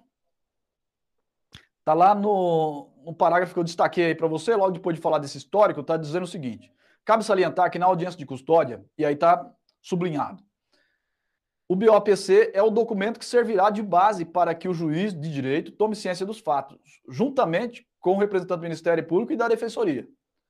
Entende-se, em razão disso, que o preenchimento do BOPM possui papel fundamental quanto ao desfecho da ação policial militar, anotando-se dados minuciosamente relacionados à ocorrência, local exato da prisão, vítima, testemunha e assim por diante. Dados estes que devem, preferencialmente, constar com a mesma exatidão no registro da Polícia Civil, devido é, registro do BO, é, registro de ocorrência, RDO ou BOPC. Então, aquilo que eu consto no BOPM tem que constar também lá no registro da Polícia Civil civil.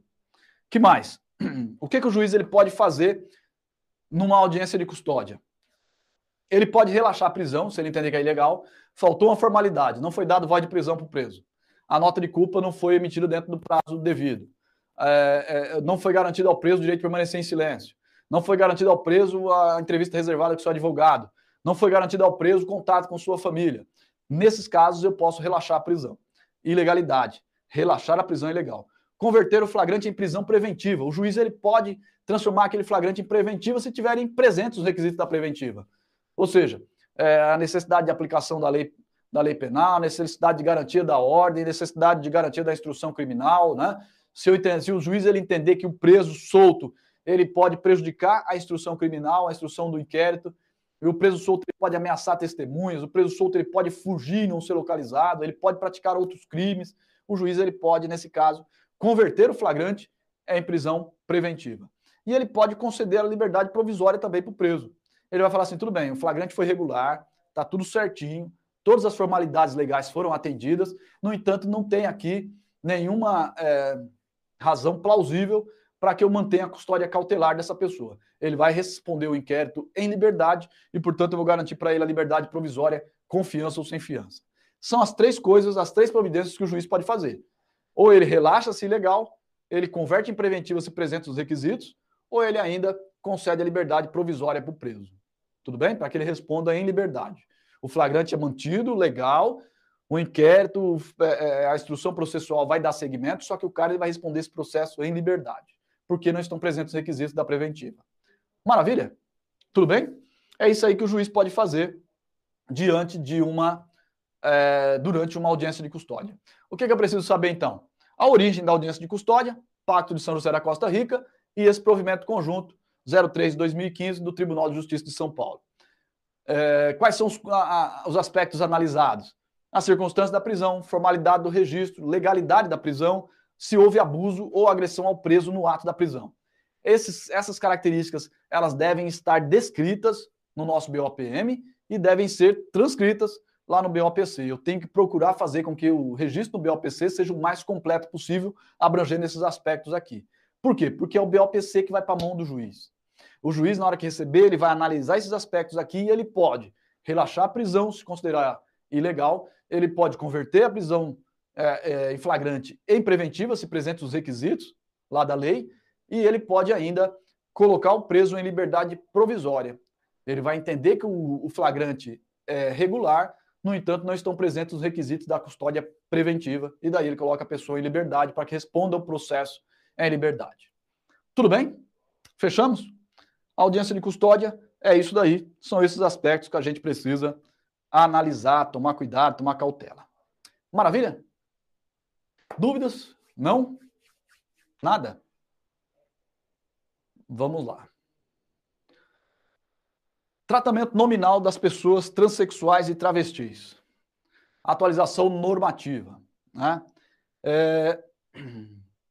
Essa, essa ICC aqui, ela, ela cai bastante no concurso do CH. Né? Já caía no concurso do CH, já fazia um tempinho, as normas que tratam aí, o decreto estadual, né? Que trata, que cuida né, do tratamento nominar as pessoas transexuais e travestis. Qual é o histórico dessa, dessa norma? Essa lei que eu coloquei para você, a Lei 10.948, é uma lei paulista. Ela dispõe sobre as penalidades a serem aplicadas é, a, quando da discriminação em razão de orientação sexual. Quando da discriminação em razão de orientação sexual. E, ela, e essas sanções, elas são de naturezas, é, de naturezas administrativas. Então, tem lá advertência, multa, suspensão ou cassação de licença. É, essa, essas sanções, elas são aplicadas à pessoa física ou à pessoa jurídica, naqueles casos em que há uma discriminação qualquer que seja em relação à orientação sexual. Então, eu tenho discriminação em relação a orientação sexual.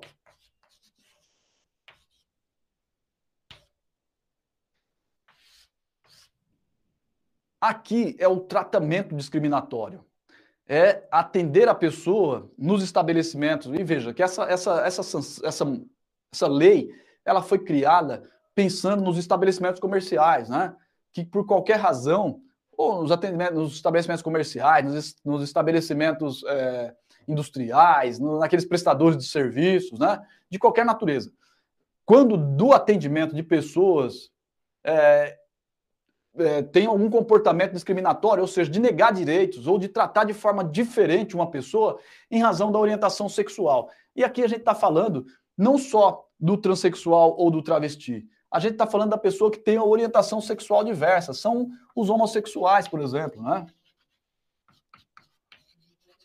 Homossexuais, bissexuais e assim por diante, né? A orientação sexual está relacionada com a atração por pessoas do mesmo sexo. Né? A orientação sexual nesse sentido. Então é como se a lei ela previsse não só é, é também para o transexual, para o travesti, também para essas pessoas, né? Mas o tratamento diferente. É, eu, por exemplo, tenho uma imobiliária. Eu tenho uma imobiliária. E aí é, eu tenho uma, uma kitnet para alugar dentro de um condomínio de kitnets fechadas ali. E aí vai um travesti e ele quer alugar, uma travesti quer alugar essa kitnet. Eu vou e coloco requisitos especiais para travesti alugar essa kitnet, porque eu acho que colocar essa pessoa lá vai criar dentro daquele condomínio de kitnets um ambiente prejudicial para os demais moradores. Compreendeu o raciocínio? Nesse caso, se comprovado, se demonstrado isso daí, a, imobiliária ela pode ser sujeita a pena de advertência, de multa, de suspensão ou até de cassação da licença de funcionamento, aqui no estado de São Paulo. Se constatar que houve uma discriminação em razão da orientação sexual, que vai abranger os homossexuais, os bissexuais, os, os travestis, vai alcançar lá é, os transexuais e assim por diante. Tudo bem? Então, essa norma, essa lei, a Lei 10.948, ela prevê sanções administrativas para os estabelecimentos e para as pessoas físicas também, pessoas jurídicas e pessoas físicas, que no trato com essas pessoas, em razão da orientação sexual delas, lhes deem tratamento discriminatório. Ou seja, negue direito, dificulte o atendimento, dificulte a atuação, né? trate de forma diferente em razão da orientação sexual dessas pessoas aqui. Maravilha? Esse é o primeiro aspecto. Show. Na sequência, assim. E aí ele fala assim: que se essa discriminação for praticada por servidores, se a discriminação, por exemplo, é, o, o, a, o, transexual, a travesti, ela chega lá para ser atendida no poupa-tempo. Ou ela chega para ser atendida numa secretaria, na Secretaria da Educação, por exemplo. E eu dou um tratamento diferente para ela. Eu discrimino por de qualquer forma essa pessoa, eu, servidor público, discrimino de qualquer forma. A aplicação da sanção vai ser feita nos termos do Estatuto do Funcionário Público. No caso dos militares, vai ser feito de acordo com o nosso RD. Então a travesti foi lá para ser atendida no panelão. Chegou lá, ela foi mal atendida, foi discriminada por conta da sua condição de travesti. Se ela fizer uma reclamação, a, a, sanção aplicada ao militar do Estado que teve essa conduta vai se dar nos termos, não do Estatuto do Funcionário Público Civil, porque não é aplicável para nós, mas nos termos do nosso regulamento disciplinar. É isso que está previsto na Lei 10.948. Beleza? Esse é o primeiro ponto. O segundo ponto. Esse decreto aqui, 55.588, ele trata especificamente do tratamento nominal das pessoas transexuais e travestis. Então, ele pega especificamente esse grupo de pessoas aqui, transexuais e travestis. Então, aqui eu tenho a lei 10.948, 10.948 de 2001, que é aplicado para todas elas. O decreto, por sua vez, 55.588, 55.588, que também é do estado de São Paulo, ele é aplicado para esse grupo de pessoas aqui, os travestis e transexuais especificamente. Essas pessoas, elas têm direito a um tratamento nominal específico. Qual é esse tratamento nominal? É aquele previsto ali no artigo 2 que diz o seguinte: a pessoa interessada indicará no momento do preenchimento do cadastro ou ao se apresentar para o atendimento o prenome que corresponda à forma pela qual ela se reconheça é identificada, reconhecida e denominada por sua comunidade e em sua inserção social.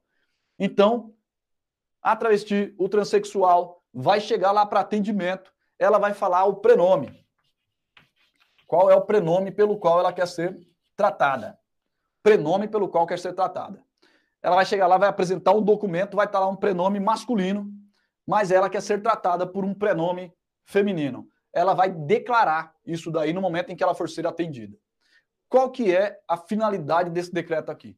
É evitar, por exemplo, que a travesti vá lá ser atendida no poupa-tempo, ela está lá sentada na cadeira aqui, esperando atendimento junto com tantas outras pessoas, aí sai lá atendente e chama um nome masculino, aí levanta uma pessoa trajada, né, é, é, caracterizada como uma mulher e vai para o atendimento. Aí todo mundo se olha, fica rindo ali um do outro e tal há um constrangimento.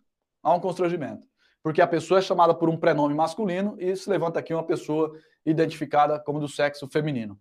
Para evitar esse tipo de coisa, para evitar da pessoa se identificar como do sexo feminino, como do gênero feminino, do, melhor, do gênero feminino, e eu chamar pelo prenome masculino, ou vice-versa, ou contrário também, transexuais também estão incluídos nessa tela, nessa proteção, né? Para evitar esse, esse constrangimento, é que a norma veio e falou assim: na hora que ela for ser atendida, quando ela for se identificar, ela vai falar qual é o prenome pelo qual ela quer ser tratada, como que ela é reconhecida, como essa pessoa é reconhecida. É assim que eu vou chamar. É desse jeito que eu vou chamar. Tudo bem? Ela vai me apresentar um documento com um nome diferente, mas eu vou chamá-la pelo nome que ela me indicou. Legal? Essa é a regra. Os servidores públicos deverão tratar a pessoa pelo prenome indicado, aquele que ela falou, que constará dos atos escritos. Então ela vai constar o nome que ela indicou, que a pessoa indicou. Ué, mas e o que está constando lá no documento dela? E aquele que está lá no registro civil? Está lá no parágrafo 2 O prenome anotado no registro civil deve ser utilizado para os atos que ensejarão a emissão de documentos oficiais. Então, olha lá. Ah, vamos pensar o seguinte. A, a, a travesti, o transexual, foi lá no Poupa Tempo porque quer a emissão de uma carteira de identidade. No atendimento, ela vai ser chamada pelo prenome que ela quiser. A carteira de identidade, contudo, vai sair como? Com o prenome que está lá no registro civil. Então, na emissão de documentos oficiais, vai sair como está no registro civil. Mas o prenome dela vai ser utilizado no tratamento, acompanhado do prenome escolhido. Tá vendo lá? Então, nesses documentos oficiais, além de constar é, o, o prenome do registro civil, vai constar também o prenome escolhido. No nosso boletim de ocorrência, por exemplo, vou constar lá, a, o travesti foi vítima de uma, em uma ocorrência qualquer que seja. Eu vou constar, vou tratá-lo pelo prenome que ele me passou. Tudo bem? Que ela me passou. No boletim de ocorrência, eu vou constar o prenome do registro civil e vou constar também aquele prenome que ela me passou pelo qual ele é tratado. Tá certo, então? Legal?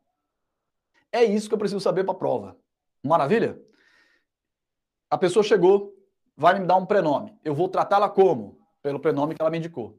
E o documento que está lá, e o nome que está lá no registro civil? Esse daí eu vou utilizar nos documentos oficiais, junto com o prenome que ela me indicou. Legal? Show de bola. Os documentos obrigatórios de identificação e de registro civil serão emitidos nos termos da legislação própria. Aí vai lá, registro civil, registro de certidão de casamento, isso daí é regra própria. Nos nossos documentos aqui eu vou constar os dois nomes. Maravilha? Show de bola. Atenção agora. Descumprir essa regra enseja a instauração de processo por discriminação na forma da Lei 10.948. Então aqui o decreto ele fala, ó, tem que tratar assim. Se o policial militar ele trata de forma diversa, ele está sujeito às disposições da lei que manda instaurar processo administrativo disciplinar para ele. Tá certo? Manda instaurar lá um procedimento disciplinar para apurar a conduta transgressional dele, a fim de se impor as sanções previstas ali na Lei 10.948. Show de bola? Legal? Tá ótimo então. Mas não é só isso não. A nossa ICC ela fala que tem mais coisa. Ela trata, por exemplo, dessa resolução da SAP aqui, a resolução número 11 de 2014.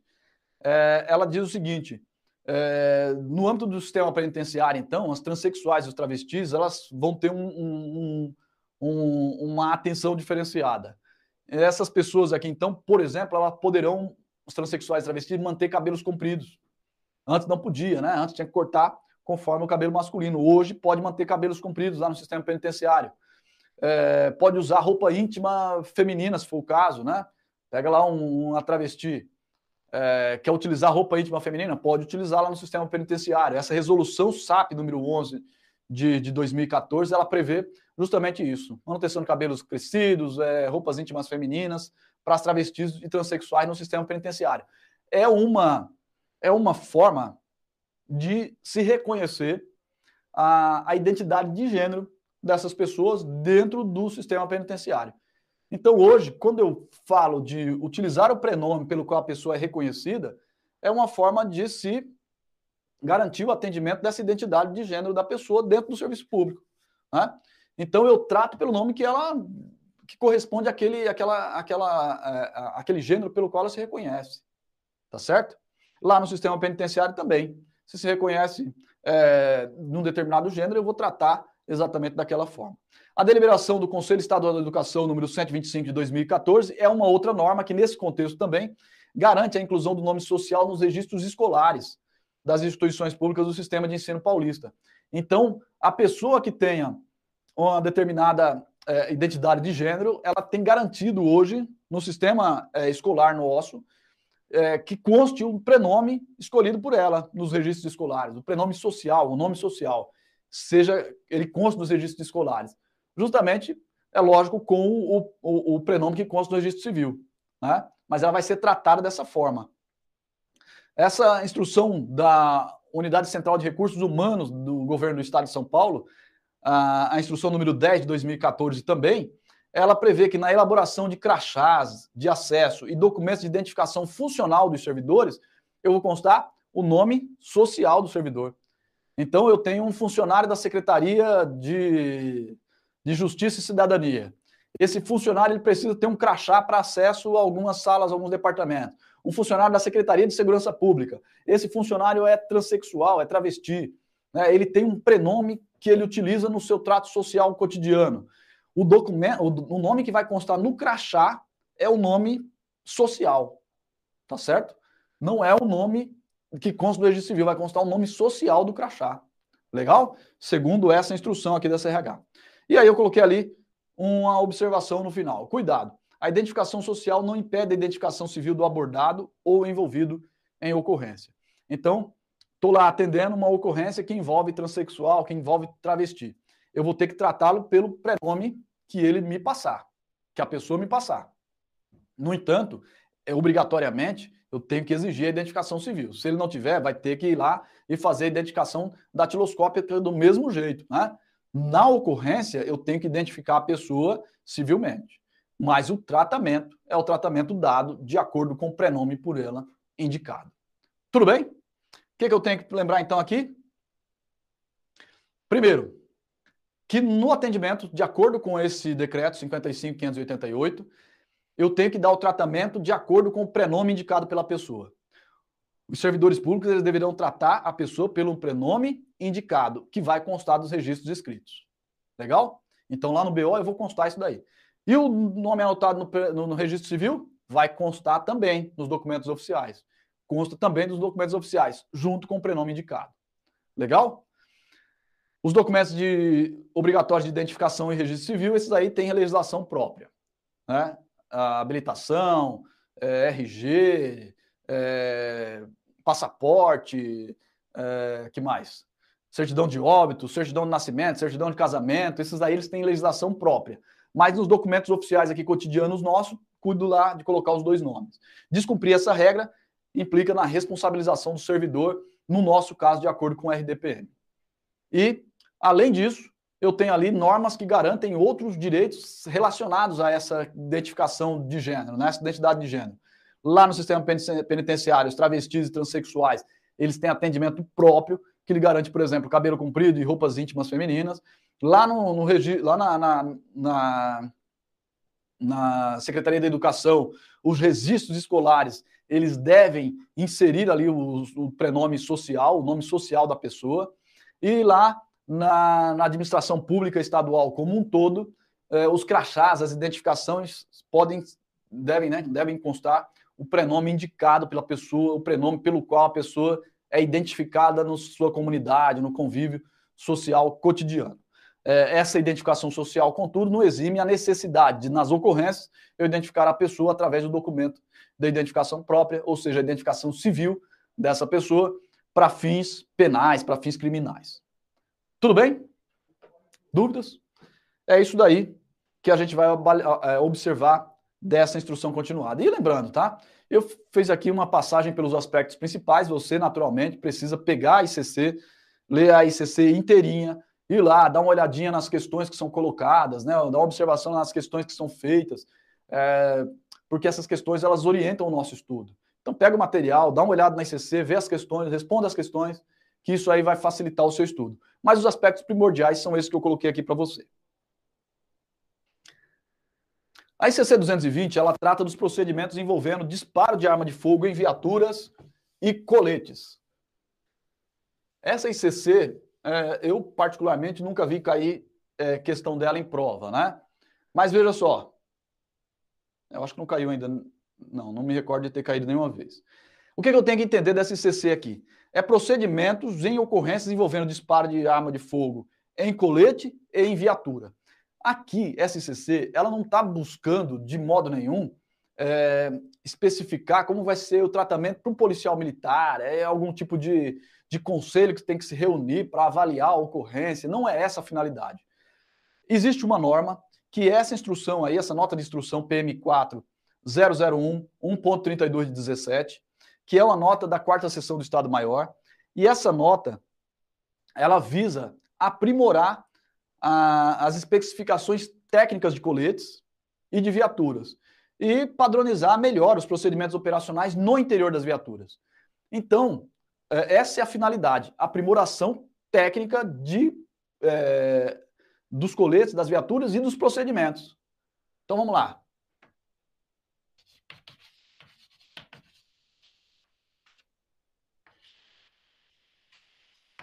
Coletes, viaturas e procedimentos.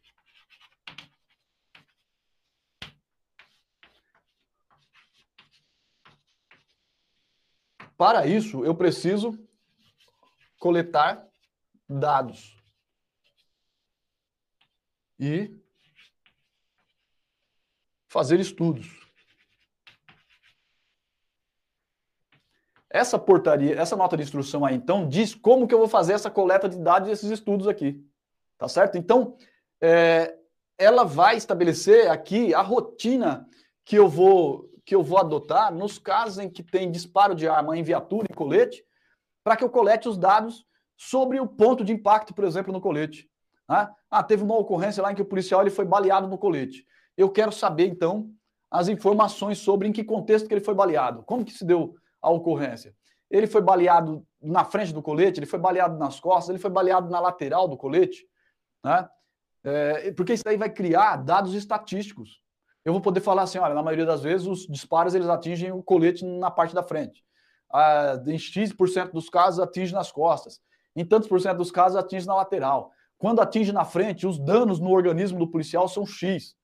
Quando atinge nas costas, os danos ocasionados são Y. O policial, em média, ele leva tanto tempo para se recuperar de um acidente, de um disparo sofrido no colete. Né? Você percebeu as informações que vão ser coletadas? É, quando o disparo ele acontece no colete, eu preciso de informações sobre o colete e sobre o policial militar. Porque eu quero saber se a proteção está sendo eficiente. Né? Se a proteção está sendo eficiente. Eu poder falar assim, ó, na maioria dos casos, os tiros eles atingem no tronco da parte frontal. Na maioria dos casos, os danos eles são X. Né? Quebra costela, gera hematoma, né? ocasionou uma parada cardiorrespiratória, porque tomou um, um, o disparo bateu no peito, muito embora não tenha transfixado o colete, esse disparo ele, ele ocasionou uma parada cardiorrespiratória no policial, né? Ah, os disparos eles estão transfixando o colete. Tá, tá transfixando sem poder de causar lesão, mas transfixa. Né? Então esse tipo de informação vai ser coletado nos termos dessa nota de instrução aqui. Percebeu então para que serve? E na viatura, a mesma coisa. Nas viaturas é a mesma coisa. Eu vou poder falar assim, olha, geralmente quando uma viatura é atingida, o disparo ele transfixa a porta. Geralmente quando a viatura é atingida, mesmo que por tiro de fuzil, o disparo ele não transfixa o motor da viatura. Ah, o policial ele se abrigou atrás da roda, o tiro pegou no pneu e ficou a munição parou dentro do pneu. Então eu vou construir um conjunto de dados, um conjunto de informações que me permita ter uma radiografia do que acontece quando o colete é atingido, quando a viatura é atingida. Essa é a finalidade dessa nota de instrução PM4 aqui. E aí, com isso, eu consigo melhorar, né? Eu preciso, é, eu consigo aprimorar o colete. Por exemplo, eu falar assim: olha, os coletes não estão prestando. Porque o policial geralmente é atingido na lateral e aqui na lateral não tem proteção balística, por exemplo. Né? Então eu preciso aprimorar a especificação técnica. Ou ainda, ah não, o policial está sendo atingido, mas na maioria das vezes o cara ele sofre lesões, tipo esmagamento do baço, é, quebra de costela, rompimento de costela, lesões de fígado, porque o projétil atingiu o colete, mas lesionou internamente. Né? Então eu vou aprimorar o colete dessa forma. E a viatura, a mesma coisa. Vou falar assim, ó, preciso da viatura que tenha proteção balística nas portas, porque geralmente os disparos eles atingem a porta. Eu preciso de viatura que tenha proteção balística nos vidros, porque geralmente o disparo atinge o vidro. A maioria dos disparos estão sendo de armas longas, fuzis, e portanto não adianta proteger aqui a, a proteção balística para armas curtas, né? Eu preciso de uma proteção balística maior, no para-brisa da viatura, por exemplo. Né? Então, a nota de instrução ela visa aprimorar coletes, viaturas e procedimentos. De repente eu entendo que o POP de abordagem ele fala para eu ficar semi-desembarcado, me protegendo ali na coluna e na porta da viatura, e de repente eu vejo que isso aí não adianta nada. Pelo é, estatisticamente falando, é, tanto faz se o policial estiver atrás da porta da viatura ou se ele estiver desabrigado, porque não há proteção balística nenhuma. Né? Então, esse tipo de informação eu só posso aferir depois que eu reunir uma, uma quantidade significativa de dados. Como que eu faço isso? A nota ela prevê então o seguinte: que nas ocorrências de disparo de arma de fogo em colete, eu tenho que coletar dados do colete e do policial militar. Os dados médicos do policial militar têm as regrinhas básicas. Se o policial foi socorrido e foi liberado, então o policial tomou um tiro no colete, foi socorrido lá para o PS, o PS liberou. Ele deve ser apresentado na UIS no segundo dia útil para reavaliação e preenchimento do formulário. Tudo bem? Então, no segundo dia útil, eu tenho que apresentar esse policial que foi atendido e liberado lá na UIS. O médico vai olhar para ele e vai falar assim: Meu, e aí? Você tomou um tiro? Tomei. E o que que. E aí? O que aconteceu com você? Ah, já ficou aqui esse, esse hematoma aqui. Teve lesão interna? Teve alguma coisa? Não. Não, não teve nada. Aí o médico vai pegar ali um formulário e vai preencher esse formulário. O médico preenche o formulário falando assim: olha, o cara foi atingido na região abdominal, teve hematomas, dois, no segundo dia útil o hematoma estava assim assado, não teve lesões internas, ou teve. Né? Se for o caso, vai mandar o cara passar por algum tipo de exame, vai constar isso aí lá no relatório dele. Tudo bem? Esse formulário que ele fez, ele vai mandar lá para o centro médico. O médico ele atende na UIS, manda lá para o centro médico. Agora, se o policial ele ficou internado, o cara foi atendido e ficou internado lá, em outro hospital que não o centro médico o médico da UIS vai até lá e coleta esses dados. Se um policial foi atendido e liberado, segundo dia útil, ele apresenta na UIS. Se ele ficou internado, o médico da UIS vai até lá e coleta esses dados aí e manda tudo para o centro médico. Se o policial ele foi atendido no centro médico, ficou internado lá, aí é lógico que o médico da UIS não precisa fazer nada, né? Se o formulário vai lá para o centro médico, quem vai preencher é o próprio médico que atendê-lo lá no centro médico tal. Aí vai ter uma equipe lá para fazer isso daí, preencher esse formulário lá no centro médico. Show de bola? Legal. O que, é que eu tenho que guardar então? Se o policial foi atendido e liberado, segundo dia útil, apresenta na UIS, o médico da UIS faz o formulário, preenche o formulário. Se ele foi atendido internado em outro hospital que não o centro médico, o médico da UIS dele vai até lá no hospital e preenche o formulário. Faz a avaliação e preenche o formulário. Se ele foi atendido no centro médico e ficou internado no centro médico, o centro médico faz o formulário. Show? E o formulário feito pelo médico da UIS vai lá para o centro médico também. Maravilha? Legal. Esses os dados do PM. E os dados do colete? O dado do colete, quem coleta? Quem fotografa e preenche o formulário sobre o colete é o PM da agência diária. Olha lá, hein? PM da agência diária. É o P2 lá que vai fazer o preenchimento desse formulário. É ele que vai pegar o colete do Mike, vai lá, pega o colete que foi atingido, tem as especificações que ele precisa constar no formulário, tem os detalhes lá que ele precisa constar, ele vai falar assim: olha, fotografa, beleza, fotografou a frente, fotografou as costas, a placa, a, a, a capa, é, de um lado, de outro. Então ele tem que tirar várias fotos desse colete aqui e preencher um formulário. Então, quem fotografa e preenche? É o policial da agência diária. É o CFP? Não. É o CGP? Não. É o PPJM? Não. É o policial da agência diária que faz isso. Maravilha? Cuidado com isso aí, hein? Se não tiver, o CFP vai designar alguém. Ah, não tem policial da agência diária? Beleza, então, é, sei lá, agora sim, agora é o CGP, porque não tem o cara da agência diária. Aí o CFP designa alguém, mas a atribuição é da agência diária em princípio, beleza? Ele encaminha a AR, a AR vai encaminhar a agência regional, a agência regional vai mandar para a sala de situação, que vai cientificar o chefe do CIPM sobre isso aí e vai remeter esse negócio lá para o centro de material bélico. Então, perceba, o formulário do PM vai para o centro médico. O formulário do colete vai para o centro de material bélico. Beleza? Centro médico, centro de material bélico, o do colete. Porque quem estuda colete? Centro material bélico. Quem compra? Eles. Quem sabe sobre a proteção balística? Eles. Tudo bem? Quem sabe sobre a condição de saúde? O centro médico. Maravilha? Legal. O CMB, o Centro Médico e o CMB, por convocação do diretor de logística, se reúnem trimestralmente para discussão dos dados coletados. CMB e Centro Médico vão receber aqui, disparo em colete. O diretor de logística chama esse povo aqui, cada três meses, por convocação lá do diretor de logística, os caras vão lá e falam assim: olha, nesses três meses que passaram, nós tivemos X casos de disparos em colete. Em tantos dos casos aconteceram isso, em tantos dos casos aconteceram aquilo. Ah, os coletes são assim assados. Os coletes é, tiveram bom desempenho, tiveram mau desempenho. As ocorrências foram assim, foram daquele jeito, desse jeito. Eles vão fazer um relatório de desses casos aqui lá para o diretor de logística. Trimestralmente, pelo menos, tem a previsão de convocação dessas figuras ali, né? Centro Médico e CMB, por seus representantes, para que possam é, relatar lá para o diretor de logística o que tem acontecido em termos de disparo em colete. Legal? E o, no caso de viatura? Se o tiro não acertou o colete, mas atingiu a viatura, quem vai coletar? O detentor executivo. Detentor executivo apresenta a viatura em até dois dias úteis à subfrota. Quem que é o detentor executivo dessa viatura aqui? A unidade dele lá, né? A unidade apresenta a subfrota que fica lá no CPA, né? Subfrota.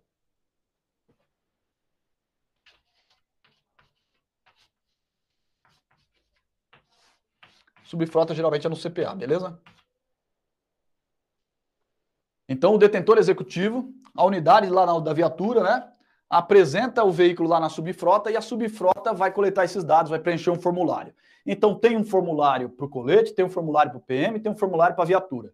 Aqui, quem preenche o do colete, quem vai fazer aqui a coleta dos dados do colete é o, agência, o policial da agência diária, se não o CFP vai designar alguém. Aqui, quem faz é o médico da UIS, se não o médico lá do, do, centro médico.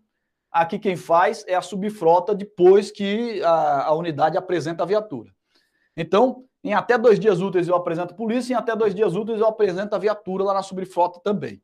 A subfrota encaminha a agência de regional, essa passa para a sala de situação, que vai encaminhar, no caso aqui da viatura, lá para o CMM, Centro de Motomecanização sétima mecanização, é para lá que eu mando esses relatórios aqui, que estuda e remete os dados consolidados ao subcomandante semestralmente. Então, aqui, subcomandante a cada seis meses. Tudo bem? O diretor de logística também faz isso aqui, ele também manda para o subcomandante depois. Legal? Então eu vou centralizar essas informações aqui onde? Lá no subcomandante, lá no subcomandante PM. Legal? É assim então que funciona é, essa nota de instrução e essa ICC aqui. O que, é que eu preciso saber então para minha prova? Eu preciso saber que essa nota de instrução ela visa aprimorar coletes, viaturas e procedimentos, que para isso eu preciso coletar dados e fazer estudos, e que a coleta desses dados se dá como? A coleta de dados sobre o colete se dá através da fotograf... das fotografias que são tiradas do colete e do formulário que é preenchido pelo policial da agência diária ou por ele ou por outro designado pelo CFP na ausência dele. Tudo bem? Os dados sobre o PM são coletados pelo médico da UIS, seja pela apresentação do PM em até dois dias úteis, seja pela visita do, do PM lá internado em outro hospital que não o centro médico. Os dados sobre a viatura, quem vai, quem vai preencher o, o formulário é a subfrota, depois que a unidade encaminhou a viatura em até dois dias úteis, no segundo dia útil. É, esses dados eles são compilados da viatura no centro de motomecanização, que é quem compra a viatura, de armas no centro de material bélico, perdão, de colete no centro de material bélico, porque é quem compra colete, do PM no centro médico, porque é quem trata da saúde do PM. O diretor de logística, a cada três meses, reúne centro médico e CMB para falar de colete, e o centro de motomecanização manda lá para o subcomandante a cada seis meses o relatório que ele faz. O diretor de logística, depois que ele reúne o centro médico e CMB, ele também manda para o subcomandante PM. Fechou? É isso daí. Para a nossa prova, são esses dados aí que eu preciso conhecer. Tá legal? Conseguiu compreender? Sobrou alguma dúvida? Não? Essa ICC ela é bastante tranquilinha, né? Ela fala especificamente dessa, dessas questões aí. Então, hoje, só para a gente resumir aqui, nós falamos de da primeira ICC, essa que trata. Não, perdão. A primeira ICC 191, que fala do estupro. Eu falei que é uma ICC que está um pouquinho desatualizada, né, mas que tem chance de cair na sua prova. Ela visa sensibilizar o policial militar no trato com a pessoa vítima de estupro para que ela não seja revitimizada. Depois nós falamos da ICC 193, que fala da ocorrência com envolvimento de, de advogado. Aqui a ideia é dizer que o advogado ele tem direito de entrevista com o preso, seja no estabelecimento é, penal, seja numa unidade da Polícia Civil, numa unidade da Polícia Militar ou mesmo lá na viatura. Que quando for em qualquer é, estabelecimento, essa entrevista ela vai ser reservada. O policial ele fica do lado de fora. Na viatura, é, ele vai falar com o preso ali, sendo acompanhado pelo policial por fins para fins de segurança. Mas o policial, de qualquer modo, tem que evitar ficar ouvindo a conversa do advogado com o preso.